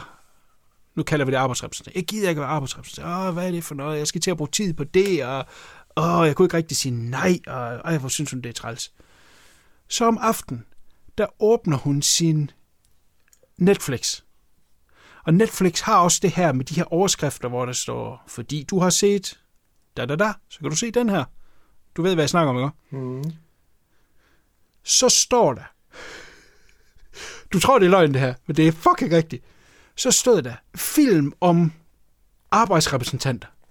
Eller film med arbejdsrepræsentanter. Altså, jeg kan ikke huske, hvad det var for en titel, hun er blevet valgt som. Det, hun er blevet valgt som, det sagde Netflix. Vil du se film om det? Oh my god. Et ord, man aldrig nogensinde vil bruge ind på Netflix. Man vil aldrig søge, hey, jeg vil godt se film om tillidsrepræsentanter, eller hvad fanden det nu var. Jeg kan simpelthen ikke huske, hvad det var. Det stod i den tekst der, og så var der film nedunder, hvor i der ligesom var noget omkring det. Shit. Det er simpelthen fucking Google, der lytter, og på en eller anden måde, om de sælger deres informationer til Netflix, jeg ved det ikke. Hvis det ikke er det mest syrede nogensinde, Altså, det er jo decideret skræmmende. Ja, det gør noget sindssygt. Altså, det, jeg, jeg kunne forstå, hvis det var noget med... Øh, hun har tendens til at se noget med... Altså, hun ser jo mest komedier, ikke? Øh, og man så siger der er mange komedier omkring familier. Så stod der, kan du godt lide familiekomedier? Men det her, det var så specifikt. Altså, så sindssygt specifikt. Præcis på den titel, hun havde fået uddelt. Ja, det er, altså, det er vanvittigt. At det er vanvittigt. Altså, hvis jeg ikke selv har set det, så har jeg ikke troet på det. Så jeg kan godt forstå, hvis I sidder derude og det tror jeg simpelthen ikke på. Men det er fucking rigtigt. Jeg var, jeg var så rystet. Så øh, pas på, hvad I siger. Pas ja. på, hvad I søger. Lige for hurtigt afslutten, så har jeg oplevet noget afret det samme. Øh, meget kort, det vi sad, det var dengang Anja, min kæreste, boede i Lystrup på et tidspunkt, der sad vi i sofaen, og sagde jeg til hende, kæft, kunne jeg godt æde en marabu lige nu, en plade marabu. Det blev vi enige om, det kunne vi begge så godt. Nå, men skide være med det, så går der lidt tid, så åbner jeg for YouTube på telefonen, og en af de første videoer, jeg ser, der er der en Marbu-reklame i form af en plade Marbu. Så man skal ikke komme og sige, at de ikke lytter, for det gør de. det er vanvittigt. Jeg var helt i chok, jeg tænkte, hvad? Og så havde du endnu mere lyst til en Marbu. Så det er ikke, det er ikke noget pis, der, der bliver lyttet. det gør der. Det gør der. Det er der ingen tvivl om. Så... Ingen tvivl om. Nå, så Google, hvis I lytter jer derude. Ja. Ja. Man skal, man skal passe på, hvad man snakker om, og så åbner sin Netflix, hvis det er, det er noget, man ikke vil stå ved. ja, præcis. Så lige sidst, vi dukker op. ja. Yes, godt. Var det ikke noget med, at vi anmeldte film på det her program? Lad os uh, komme tilbage til det. jo, det var det noget med. Oh. Godt. Jeg ville nævne en film, bare for mm. sjov skyld som hedder Hunter Hunter. Jeg kan ikke huske, om du har været forbi den. Har du anmeldt Hunter jo, Hunter? Jo, jo. Ja, jeg har vist været forbi den på et tidspunkt, hvor du sagde, at du hop på den. Tror jeg. Ja, det har jeg så også gjort. Jeg er en mand af min ord. ja. Hunter Hunter. En... Ja, det er jo en form for horrorfilm. Thriller-horror. Ja, thriller-horror, ja. Hvor vi følger den her familie, som bor dybt, dybt inde i en skov.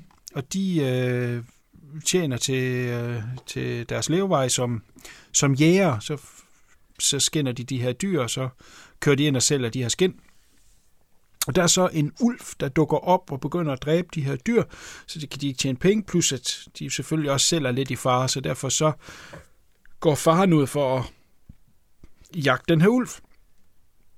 Samtidig så dukker der så den her sårede mand op, mens faren er ude på jagt, og det kun er, er konen og, og deres, øh, ja, jeg ved sgu ikke, hvad hun er, 13-14-årige datter, tilbage i huset, der han er sådan øh, hårdt såret på benet, og øh, de prøver så så vidt muligt at kunne hjælpe ham. Han er for medtaget til at kunne komme ind til byen. Det er en, øh, først så skal man gå et godt stykke. Jeg vil sige, et, et minus med film, det er, at øh, geografien er sgu lidt...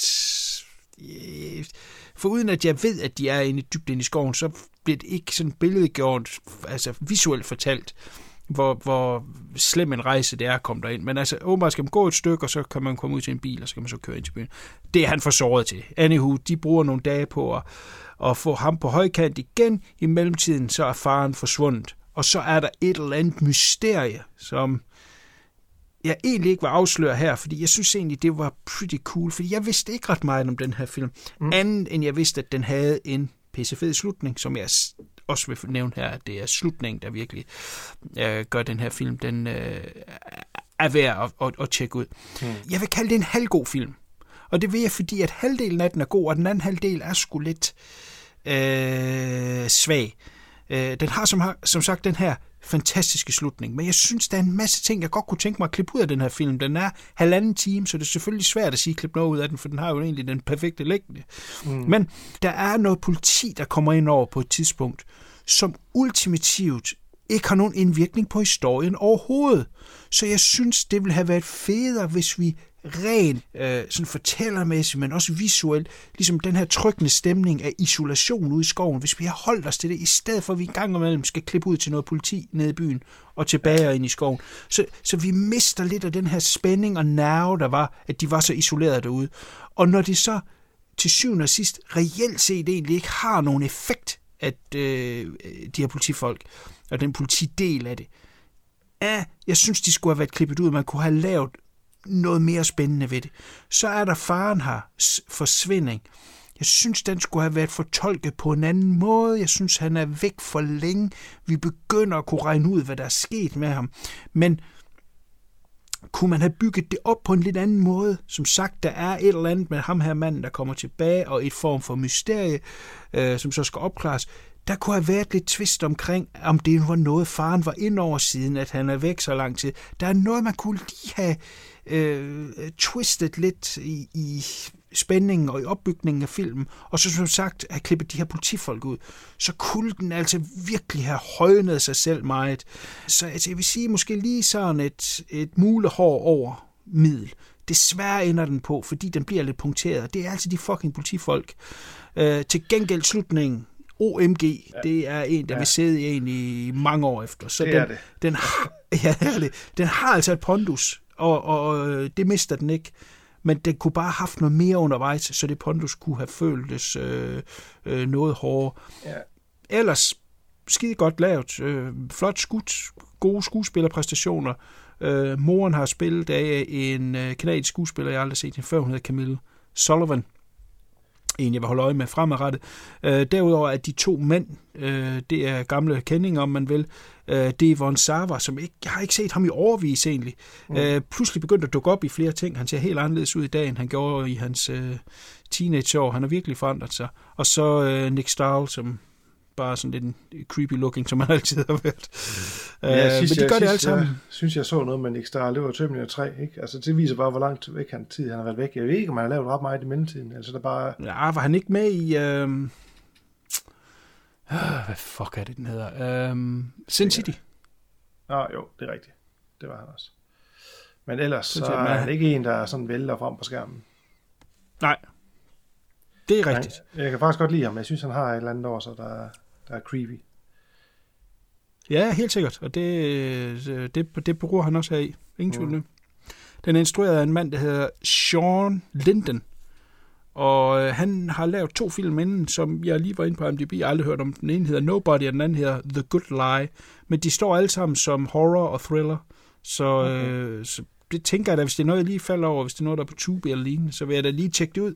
Øh, manden har bestemt øh, talent, men... Øh, men den, og det, jeg læste ind på, øh, på Trivia, at det er et manuskript, han har skrevet umiddelbart efter, han lavede de to her, så det er helt tilbage i 2007, han skrev det. Det er da utroligt, at man ikke lige har kunnet spænde det sidste op så. Ja, det må man sige. trods alt. Så, men jeg vil stadigvæk godt give den et recommend, selvfølgelig øh, særdeleshed på Ja. grund af slutningen. Og den er 90 minutter, så det er jo ikke fordi, at den... Nej, nej, den er hurtig Øh, også slut. Men der er slutningen, ja, det er den. den sidder ved en længe. Det kan man... Ja, det gør den. Ja. Det gør den. Og jeg, den er nok på Blockbuster, men jeg har altså købt den på... Ja, den er anden stream. Ja. Yes. Nå, men det tog dine tider, men du har lovet, hvad du sagde, at du vil se den. Ja, ja. Ja, ja.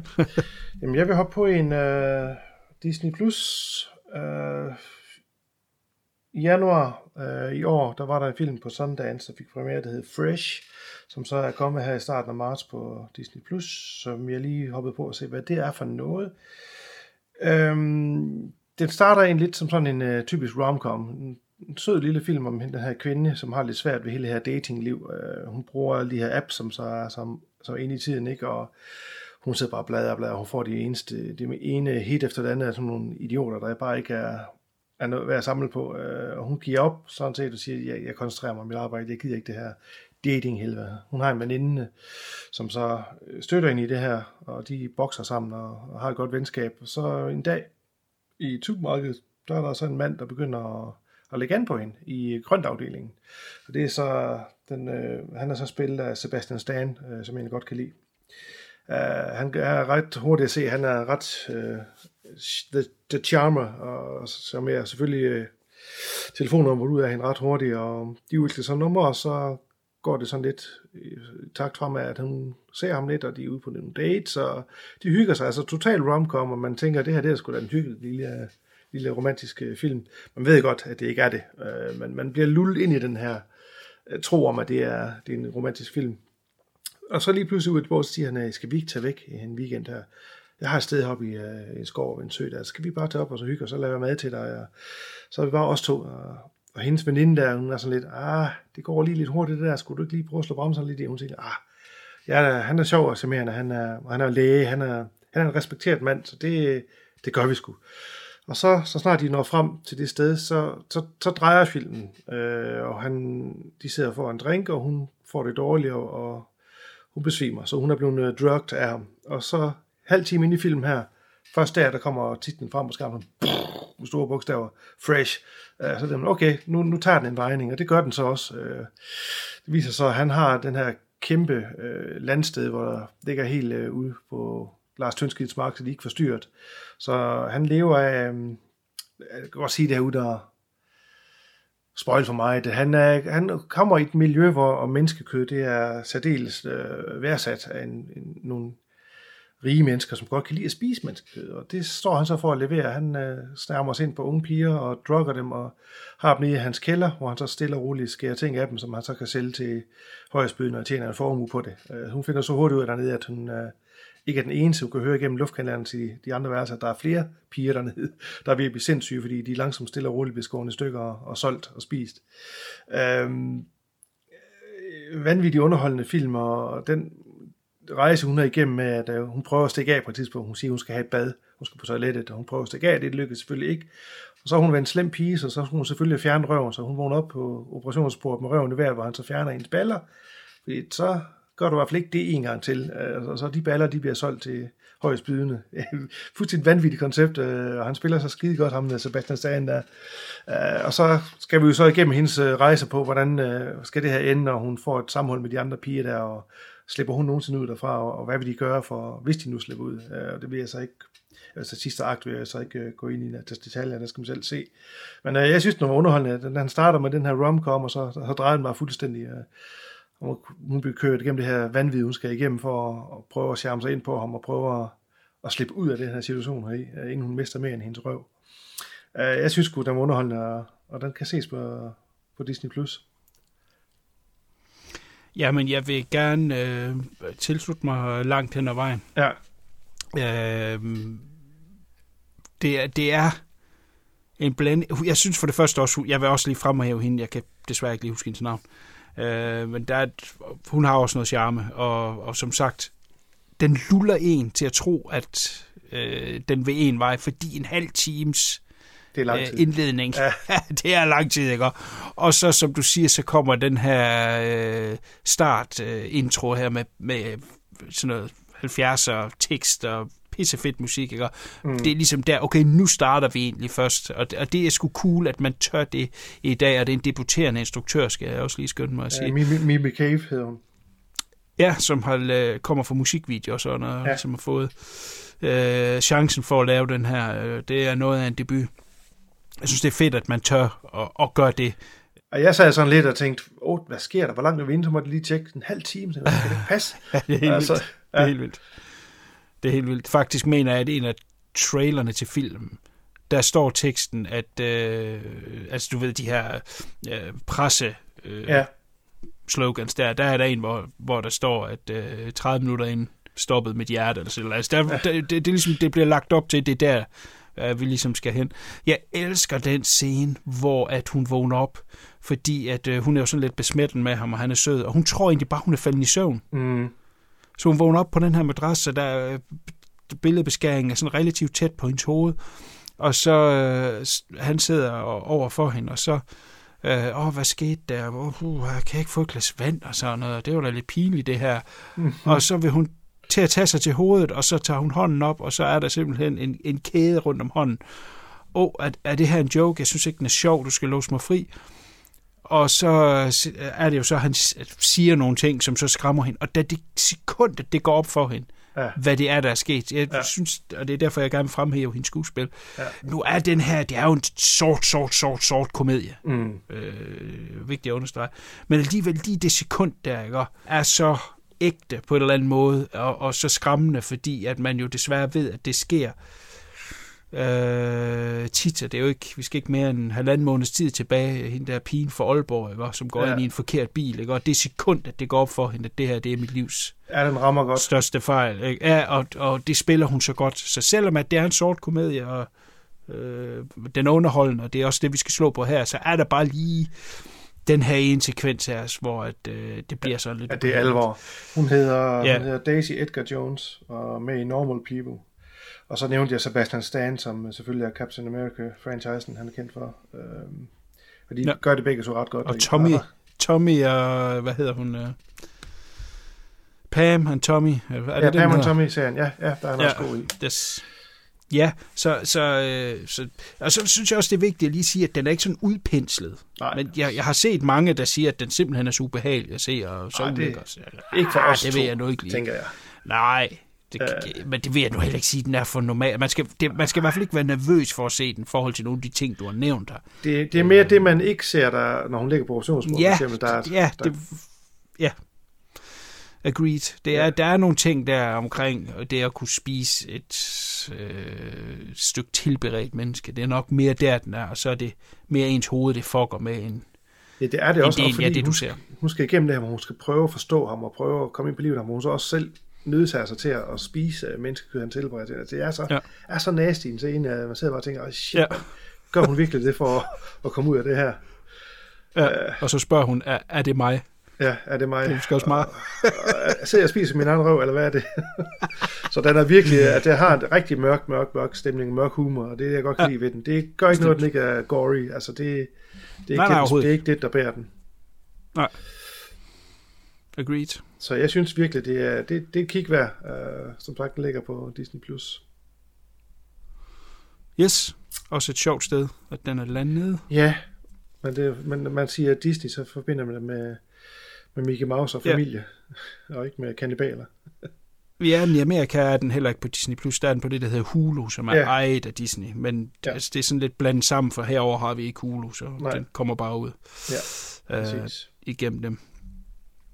Godt. Jeg vil hoppe over på uh, Netflix Nå. og snakke om uh, Spontaneous. Ja.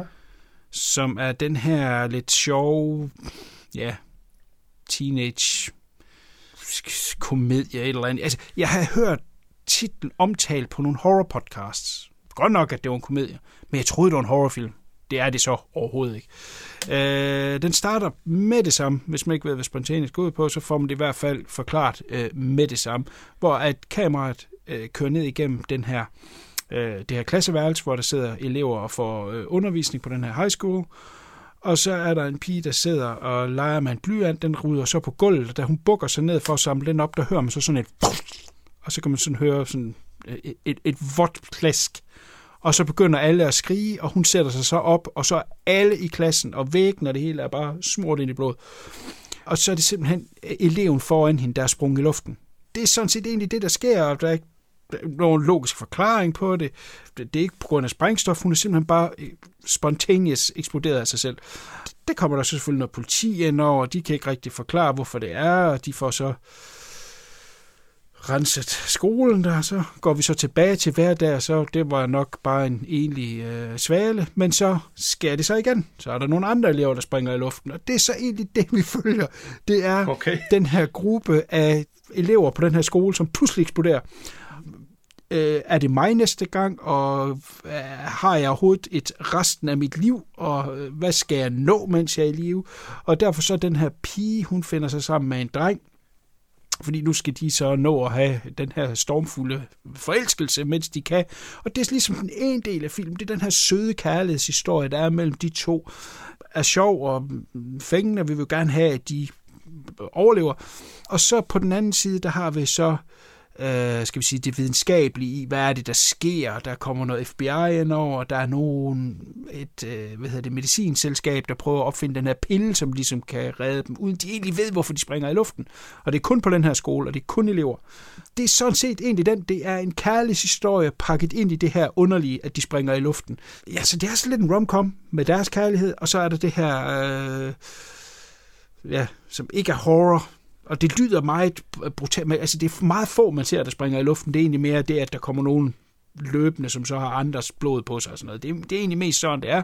Uh, den er ikke udpenslet på den måde, men, men den er sgu okay underholdende. Jeg vil sige, at den måske bliver lidt for lang, men der er noget charme mellem de her, det her par pigende spil af Catherine Langford, som er hovedrollenhaveren fra 13 Reasons, og hun spiller øh, uh, 13 Reasons Why hedder den. Og øh, hun spiller den samme karakter. Nøjagtigt den samme karakter, som hun gjorde i 13 Reasons Why. Det er sådan lidt skørt. Hun er også samme frisyr, nu bare lysåret i stedet for øh, mørkåret. Vildt charmerende, og, og det er egentlig det, som gjorde, at jeg hang ved. Den er en time og 40. Jeg kunne godt tænke mig, at der lige var skrabet 10 minutter af, så vi kom ned på de magiske 90 minutter. Uh, for, for den bliver måske lidt langhårdt undervejs. Uh, jeg synes, hendes forældre er lidt fejlkastet. Det virker ikke som rigtige forældre. Lidt afstumpet, lidt underlige forhold, de har. Men det, det kan være, der er mening med, at det skal være sådan, men jeg synes ikke lige helt, det for, den del af det fungerer. Men altså, øh, ganske udmærket øh, underholdning, vil jeg sige. Øh, som sagt, jeg satte mig ned og troede, at det var horrorfilm, så jeg ved ikke rigtigt, jeg måske bare lidt skuffet, da den var slut. Øh, hvor at hvis man tager det med sig, som jeg siger, at det er sådan underholdende ungdomsfilm til de lidt ældre teenager, så bliver man i hvert fald ikke skuffet. Det er sådan set det, den egentlig er. Har nogle øh, fine installationsskud, noget god musik, den er godt lavet, og, og, og et fint tempo. Men øh, ja, all around ganske underholdende. Så den øh, er værd at tjekke ud. Den er instrueret af en mand, der hedder Brian Duffield, øh, og han debuterer med den her, hvis jeg ikke tager meget fejl. Uh, han har tidligere skrevet uh, manuskriptet til blandt andet Underwater, som jeg var ret uh, glad for, at der kom for et par år siden. Åh, oh, det med Kirsten, Kristen Stewart, eller hvad? Ja, det er nok okay. det. Ja, okay. Den var ret cool. Så øh, hvad jeg tjekke ud, ligger i hvert fald øh, på Netflix. Fin til en fredag aften, hvor man bare lige skal se lidt underholdende. Yes. Det kan være, man kan lokke øh, kæresten eller konen til at se den, fordi der er en kærlighedshistorie. Oh, ja. Yeah. Ja. Yes. det er jo ikke noget for os. Nej. Øh, jamen, øh, jeg teaser jo lidt før, da vi snakker om de her øh, engelske firmaer, så som Eureka og 88 Films, der blandt andet gør sig i restaurering og udgivelse af de her Hongkong-film. Der var for lang tid siden annonceret, at der kom en uh, Hongkong i nogens øjne klassiker, der hedder Black Cat, øh, og den bestilte jeg jo flux, det er jo mange, mange, mange måneder siden. Den dukker så op nu her først på, på måneden. Øh, det er en kinesisk kopi, så at sige, af, af Nikita, den øh, franske Nikita, øh, med Jade Chung og Simon Yam. Og det er faktisk, øh, faktisk næsten en, en 100% kopi. Det er jo det samme, der sker på det nogle enkelte scener. For eksempel restaurantscenen i Nikita, hvor hun hun på badeværelset, og hun ikke kan komme ud derfra, er så erstattet med en bryllupsscene her, hvor hun skal komme tilbage til en bil, som så ikke kan starte. Altså, der er nogle ting, der er skiftet ud, men handlinger og tingene, der sker, øh, faktisk selv identisk. Så det er lidt et, øh, et rip-off, øh, men de skulle selvfølgelig på at ride på succesen. Øh, det handler meget kort om, hvis man ikke har set hverken Nikita eller Black Cat, så er det en ung kvinde, der ved et uheld slår en øh, politimand ihjel, og så ender hun som en fange i systemet, som så giver hende et valg af, du kan leve videre, og så kan du arbejde for os som legemorder. Og det går hun så med til modvilligt, øh, men så viser sig hurtigt, at hun har rent faktisk har evner for det, fordi hun har den her Fanny og ligegyldig, ja, ligeglad med sig selv øh, holdning. Øh, så hun er faktisk god til det arbejde, og så binder hun sådan set et, et, et bånd sammen med hendes øh, en mentor, kan man jo sige. Det er så spillet af Simon Jam. Øh, og man kan jo ligesom ane en lille romance under overfladen. Øh, hun bliver så færdig med det her forløb, hvis man kan kalde det det. Øh, og det er så sluppet ud i den i virkelige verden med nogle penge og en jobtitel og så et sted at bo. Og så finder hun jo hurtigt en kæreste, og alt er fryd og gammel, men øh, hendes forpligtelse over staten, de kommer så at sige bogstaveligt talt banker på døren, og så begynder hun så at skulle udføre de her mor for, øh, for staten. Øh, alt imens hun skal holde det hemmeligt for sin kæreste. Så det er så lidt en øh, øh, balancegang, hun skal træde på, derfor ikke at blive opdaget. Øh, jeg kan huske, jeg så den her, ja det har været på VHS, dengang vi kun købte VHS-film fra Hongkong, det kan du godt huske, tilbage i ja. 90'erne, slut 80'erne, 90'erne. Og jeg husker den som værende kick-ass, altså med masser af action og masser af kung fu. Så jeg købte selvfølgelig den udgave her, som var restaureret i 2K, og så står, står ganske fint. Men jeg blev faktisk skuffet, fordi jeg tror simpelthen, min nostalgi og min øh, hukommelse har svigtet mig, derfor der var er ikke ret mange fede actionsekvenser. Der er et par enkelte actionsekvenser, og der er slet ikke øh, nogen øh, kung fu slåskampe, som jeg troede, der var masser af. Det er der faktisk ikke. Der er ikke det her typisk kung fu. Der er en enkelt slåskamp i starten med sådan en trucker på en, en, en tankstation, øh, men ellers ikke rigtig nej. Uh, og den synes, den mangler den kant af humor, som typisk præger de film der. Der plejer til at være sådan lidt at grine af de her hungerfilm. Der er der slet ingenting af i den her film.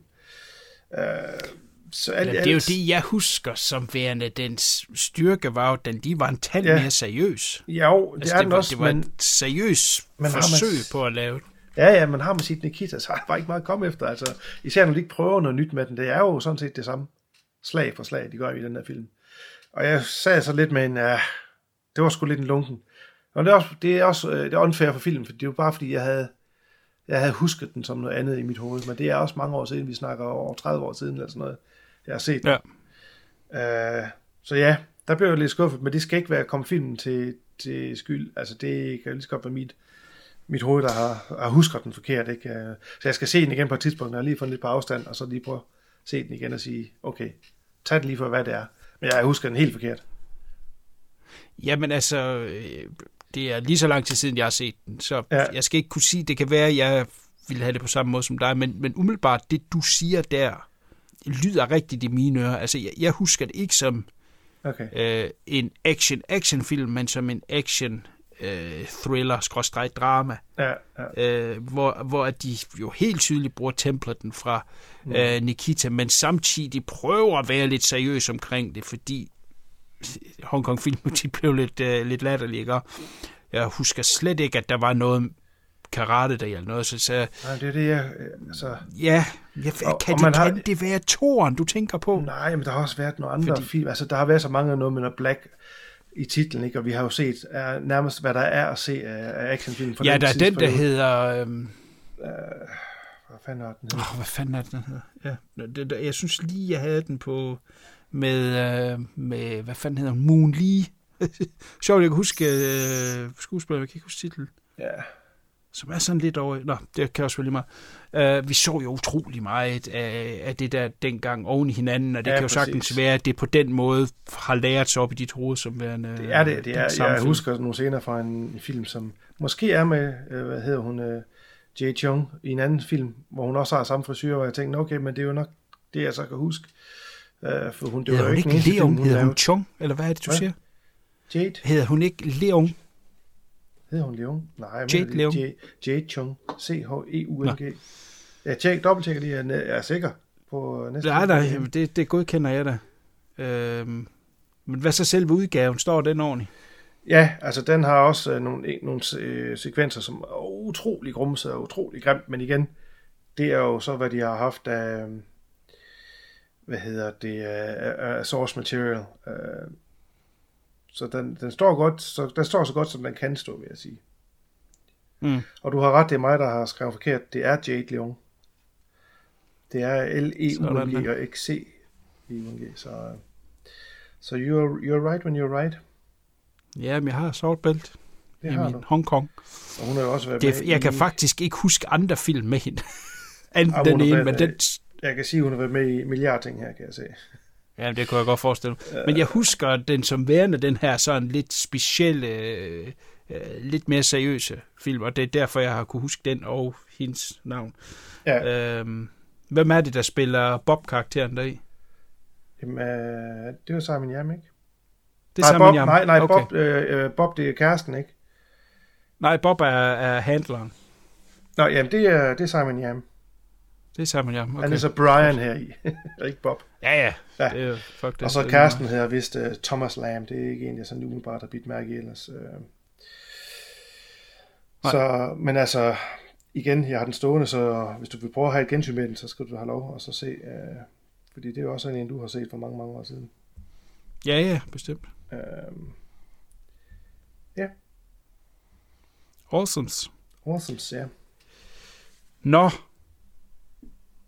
Jeg vil øh, slutte af med en øh, shady slasher. Ej, Øh, den, jo, jo, jo, jo, jo. Det, det, det kan næsten ikke blive bedre. En, øh, en film fra 1988, der hedder Memorial Valley Massacre. og lyder altså god, titlen. Ja, jamen ved du hvad, jeg tror faktisk godt, de kunne have lavet noget ud af den, fordi jeg kan egentlig godt lide premiset i den, men de har fejlet voldsomt med nogle ting. Uh, det er den her turpark, som skal åbne i det her område øh, omkring Memorial Valley. Øh, der er den her øh, rigmand, som har opkøbt det, spillet af Cameron Mitchell, som jo var en... Øh, en gammel rev, der har været med i 8.000 forskellige film. Han er også kun med i den her i 5 sekunder, bare for at have noget name øh, value. Og han har så opbygget det her... Øh, altså det der bliver lagt op til det, det her... Øh, fede nye sted, der åbner. Men altså, filmen har jo selvfølgelig ikke budgettet til, at det er alt muligt øh, fedt øh, camping mekka, som folk de vælger at, at, at komme fra øh, nær og fjern for at besøge. Man, man ser nogle enkelte ting, og så skal vi ligesom tro, det er det her seje sted, som skal åbne. Det viser sig så, at der har været masser af øh, Øh, sabotage, om man vil. Så de har ikke rent vand, fordi der, de har fundet øh, døde dyr nede i, i, i vandbrønden, for eksempel. Og, øh, ting, som har gjort, at de har ikke kunnet nå at gøre det hele færdigt. Men de bliver nødt til at åbne den her dag. Og hvor kommer så alle de her folk ind og skal øh, slå telt op og campingvogn og alt muligt for at være i det her fantastiske naturområde. Øh, jeg vil sige, det ser ikke så fantastisk ud med mine øjne. Det er også ligegyldigt. Der er så en mand, som har boet ind i en øh, grotte i mange år og det bliver fortalt lidt senere, hvorfor at det er, han bor i den grotte. Og han er ligesom sådan et urmenneske. Altså i hvert fald ser han sådan ud. Han går med sådan dyreskind rundt om sig, og, og har øh, skæve tænder og alt muligt. Og han ser så komisk ud. Altså virkelig. Så du krammer dig over, hvordan det er, at jeg vil ind i en eller anden BR-forretning og købe skæve tænder og en billig på ryg, og altså, det ser så nok ud. Og han er jo selvfølgelig træt af, at alle de her mennesker, der kommer der, hvor han ligesom skal bo, og han kan grund kun, han kan ikke snakke, og det er så ham, der går og saboterer, og så ender med at skal slå alle de her mennesker ihjel, fordi at han gider ikke at have de er der. Den er mega primitiv, men den er faktisk underholdende på en eller anden åndssvag måde. Det er jo 88, der er øh, slasher, øh, hvad hedder det, æren, den er slut på det tidspunkt. Ikke? Det gjorde den jo egentlig allerede i starten af 80'erne, men øh, med krampetrækningen kom der jo ny og næ noget, der var okay i den sidste del af 80'erne. Den her vil jeg sige er en blød mellemvar. Øh, har ikke de store effekter som så, men, men den har sgu alligevel øh, okay humor, og den er okay lavet. Men lige præcis, skal vi sige, øh, det der skulle have været det helt store, som det er i de her film, ikke? vi snakker tit om, øh, ser masken ordentligt ud, og alle sådan nogle ting, der ikke op, mm. fordi det er så vigtigt. Så vores mor, der, der ser så åndssvagt ud, vi kan simpelthen ikke andet end at grine. Altså, det er så pisse ærgerligt, de ikke lige har gjort lidt mere ud af det. Man kunne have gjort sådan lidt ligesom uh, uh, The Woman, den, den har du set, ikke? Jo, jo. Ja, hvor det bare egentlig at gøre en beskidt og, og, og, og hårdt lidt ul, altså så, det, så man brugt, hvordan personen rigtig så ud, i stedet for at begynde at lime falske tænder på, der ser så dosk ud. Det, det, det bliver sgu så lidt Ja, men, men jeg synes sgu egentlig, øh, den er okay, altså for hvad den er. Den ligger på, jeg fandt den på øh, YouTube, øh, for at komme over i en ny øh, streaming, øh, en ny streaming app, så det ikke bare Netflix det hele. Der ligger den simpelthen inde i en øh, fantastisk udgave. Øh, jeg, jeg ved ikke, hvem der har udgivet den. Der må næsten være nogen, der har udgivet den øh, på et eller andet tidspunkt i en rensudgave, for den står ret pænt. Øh, hverken for mørk eller noget som helst, som det plejer at være fra den tid der. Så øh, hvis man er til de her scene 80'er slashers, så er der en øh, og nogle af dem, der er lidt sjove, man kan sidde og drikke en øl til at grine af, så Memorial Valley Massacre, den øh, er sgu ret underholdende. Der er også lidt sleazy, og øh, det der skal være. Men, øh, men morderen, han er, han er ikke så sej. Han er ikke så memorable. Han er ikke så memorable. Ej, det er synd, når de fejler på sådan et punkt. Det er sådan lidt, ah. Ja, så kan jeg godt lide uh, tagline, det er det, der altid skulle bruges dengang. Just when you thought it was safe to go back in the tent. Åh oh, nej, nice. så kommer han og ødelægger det hele. Ja, ja. en slem er han. Ja. Nå. Ja, men tjek den ud. Nej, tak. Nå. Du sagde, du var en rødden slasher. Så gider jeg da ikke se den. Nej, altså, ja, det ved jeg ikke. Jeg synes, den er et kig værd, hvis man er et slasher. Godt. Har du en ja. sidste til at slutte af på? Nej, jeg tror, jeg har været igennem, uh, uh, hvad hedder det, det jeg havde, jeg synes, der var værd at nævne denne gang. Nå. Jamen, var det ikke, har du ikke set en westernfilm? Ja, jo, jeg har da set et par stykker. Hvad tænker du mere specifikt? Jamen, noget med Klaus Kinski. Jo, for fanden, den har jeg glemt. Godt, ja. nu er det mig, der er ved at lave fug i det. Nu skal jeg lige... Hvor fanden er den hen? Min uh, noter. To sekunder. Ja, jamen det er jo en western fra 1970, som du siger med Klaus Kinski, der hedder And God Said to Cain. Det er sådan lidt en, uh, en sjov western, for det er sådan lidt en blanding af noget af western, sådan lidt gotisk horror faktisk, synes jeg. Øh, det handler om den her karakter, spiller Klaus Kinski, som bliver øh, benådet og frigivet øh, efter 10 år i fangenskab. Øh, og det gør han på grund af, at han har en, en, en fortid militært. Og så rejser han tilbage til den by, han kommer fra, for at at tage kampen op med den her mand, der, og hans bande, der har gjort ham uret. Øh, og samtidig med, at han gør det, så får han selvfølgelig hjælp af hele byen, så kender ham. Altså enkelte i byen, der, der stadig er med ham og ved, hvem er, og hvad for en person han er. Og den er, ja, det, jeg synes, der er rigtig fedt ved den, er, at den er rigtig flot skudt, den er mørk, og den er sådan ond, og den er stilistisk. Og, og Klaus Kinski spiller den her sådan lidt, lidt en underspillet øh, karakter, ikke, ikke, ikke noget vanvittigt. Han har bare det her look, Klaus Kinski, der gør, at han, man tror, han kan eksplodere på hver tidspunkt. Han har de mest, jeg synes, han har de mest ubehagelige øjne. Øh, det ved ikke, om det er bare mig, men jeg synes virkelig, han ser, han ser ond ud. det gør han altså, umiddelbart hvad han er med i. Så synes jeg, han ser ud som om han er sådan en psykopat. Øh, hele slutscene-sekvens med opgaver, der er rigtig fedt lavet. Øh, det, de får i det her hus med en masse spejl, øh, hvor han har sit show der med, med bad guyen. Øh, øh, helt klart en rigtig, rigtig fed western. Øh, flot produceret og og som jeg siger, som siger sådan lidt gotisk, lidt ond øh, stemning. Ja, jeg har set den for nogle år siden, øh, så da du nævnte, at det var en af dem, du ville snakke om ja. i dag, så hvor det var, hold kæft, man, den kan jeg så godt huske. Ja.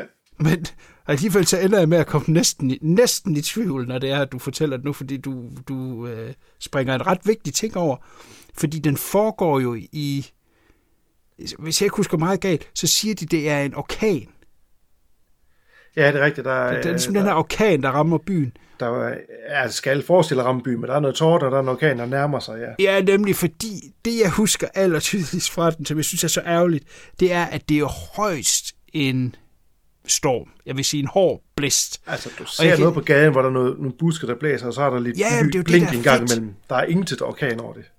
Nej, nej, nej, det er jo det, der er fedt egentlig i film, ja. hvis du bare tager den som det, det er, det er, at ligesom Django var en mudderby, så mm. her der har du den her vind hele tiden. Det er nok også derfor, du tænker på Gosis ting, fordi der er den her ja. lidt hylende vindlyd hele tiden. Ja. Men det, det ser jo fedt ud, at det hele tiden blæser. Vi har sand, der vivler, og mm. hø, der flyver i luften og sådan noget der.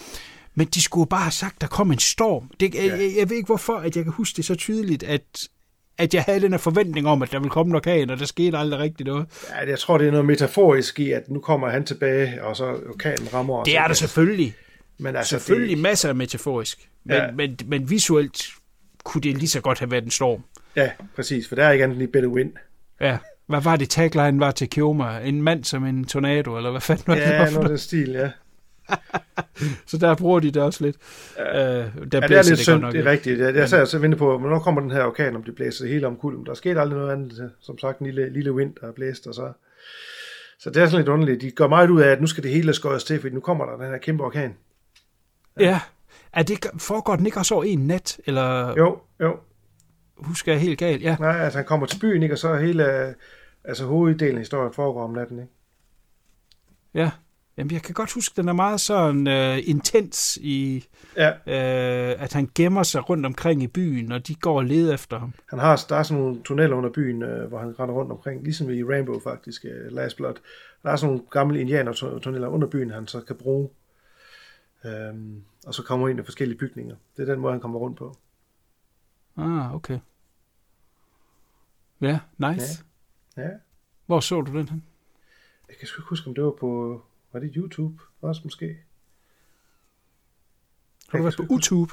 Nå, jamen, øh, cool. var det en ordentlig kopi så? Ja, det var okay. Det var okay. Det var okidoki. Uh, nu ved jeg ikke, om den findes i Super Crisp 4K, men det til tvivl er på. men altså, ja. ja, altså, det er en fin western, og som sagt, den er aldrig sen, uh, sen uh, den kom, det var i 70, ikke? Uh, var det største del af det boom med westerns, det var sådan, de gode af dem i hvert fald, som du har nævnt af dem, der de var, var allerede lavet ja. på det tidspunkt, men der var stadigvæk høj produktionskvalitet i den, og det er jo, det er en western western, ikke? Og Klaus Kinski, han, øh, han gør det sgu godt deri. Ja. Øhm, som sagt, han ligner en mand, der ja, en omvandrende ondskab. Ja, ja. Ja, han var jo... Han var jo også med i Ja, det har jo både været en gave og en forbandelse, fordi at, øh, det har Ja. selvfølgelig også sat ham i nogle faste rammer, han aldrig rigtig kom ud af. Ja, men han var da også fin i den der uh, The Great Silence, eller hvad den hed. Uh, ikke Ja, ja, El Grande Silencio. Ja, Ja, El Grande helvede. Silencio. Uh, så er han jo også ja. uh, motherfucker i, så også en klassefilm. Bestemt. Ja, det er måske en af de allerbedste. Der kan man jo tale om en slutning, der også hænger ved. Uh, Ja. uh, det, den skal vi lade være med at komme ind på, men se den film, det er også en uh, fantastisk western. Ja. Uh, og igen, uden at afsløre, hvad den slutter med, så uh, på ekstra materiale, uh, i hvert fald i den udgave, jeg har, har de en slutning med, som Kobuchi blev tvunget til at lave af producenterne, fordi de var ikke sikre på, at de kunne slippe afsted med den slutning, der rent faktisk blev lavet. Ja, så en happy ending. Ja, og, og sådan lidt overdrevet happy. Altså, jeg tror, øh, han med vilje lavede en slutning, der var så latterlig, at de godt selv kunne se, okay, ja, det duer ikke. Men, men sådan helt... Altså, man, det kan ikke være en større diametral modsætning, end det, den rent faktisk slutter med. Så det er Ja. bare det er helt modsatte, som er så latterligt, og så... Altså, man skriger bare og griner mig selv. Ja. Det er sjovt, de har det med som ekstra materiale. Man kan se, hvad det kunne have endt med, øh, havde de haft... Øh, ja, Ja.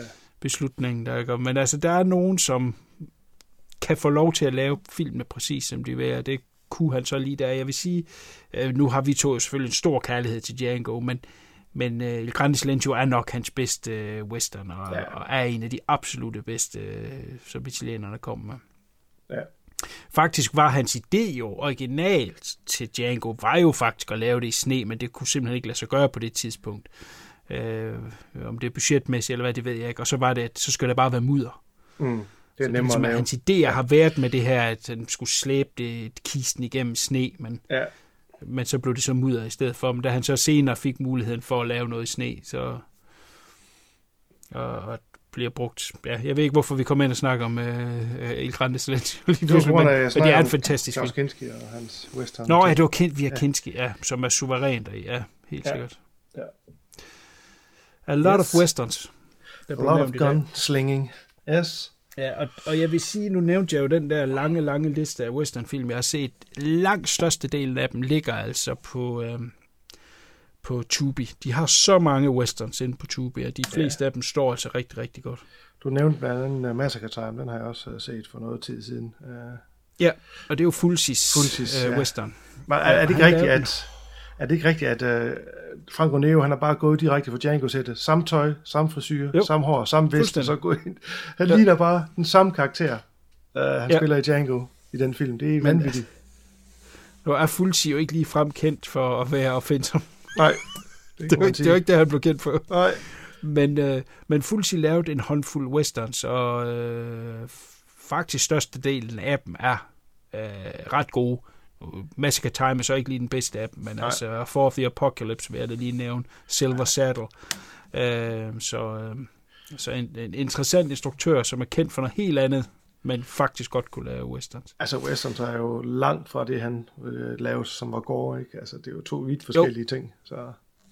Jo, jo, men alligevel med For the Apocalypse, der lykkes ah, det ja. om ligesom at merge de to ting. Ja, det men, øh, men jeg vil godt lave en, øh, eller lige øh, slå på trum for, for, for Tubi, som jeg plejer at gøre, men, mm. men øh, for westerns og horror, som jeg også har sagt, der er simpelthen så meget.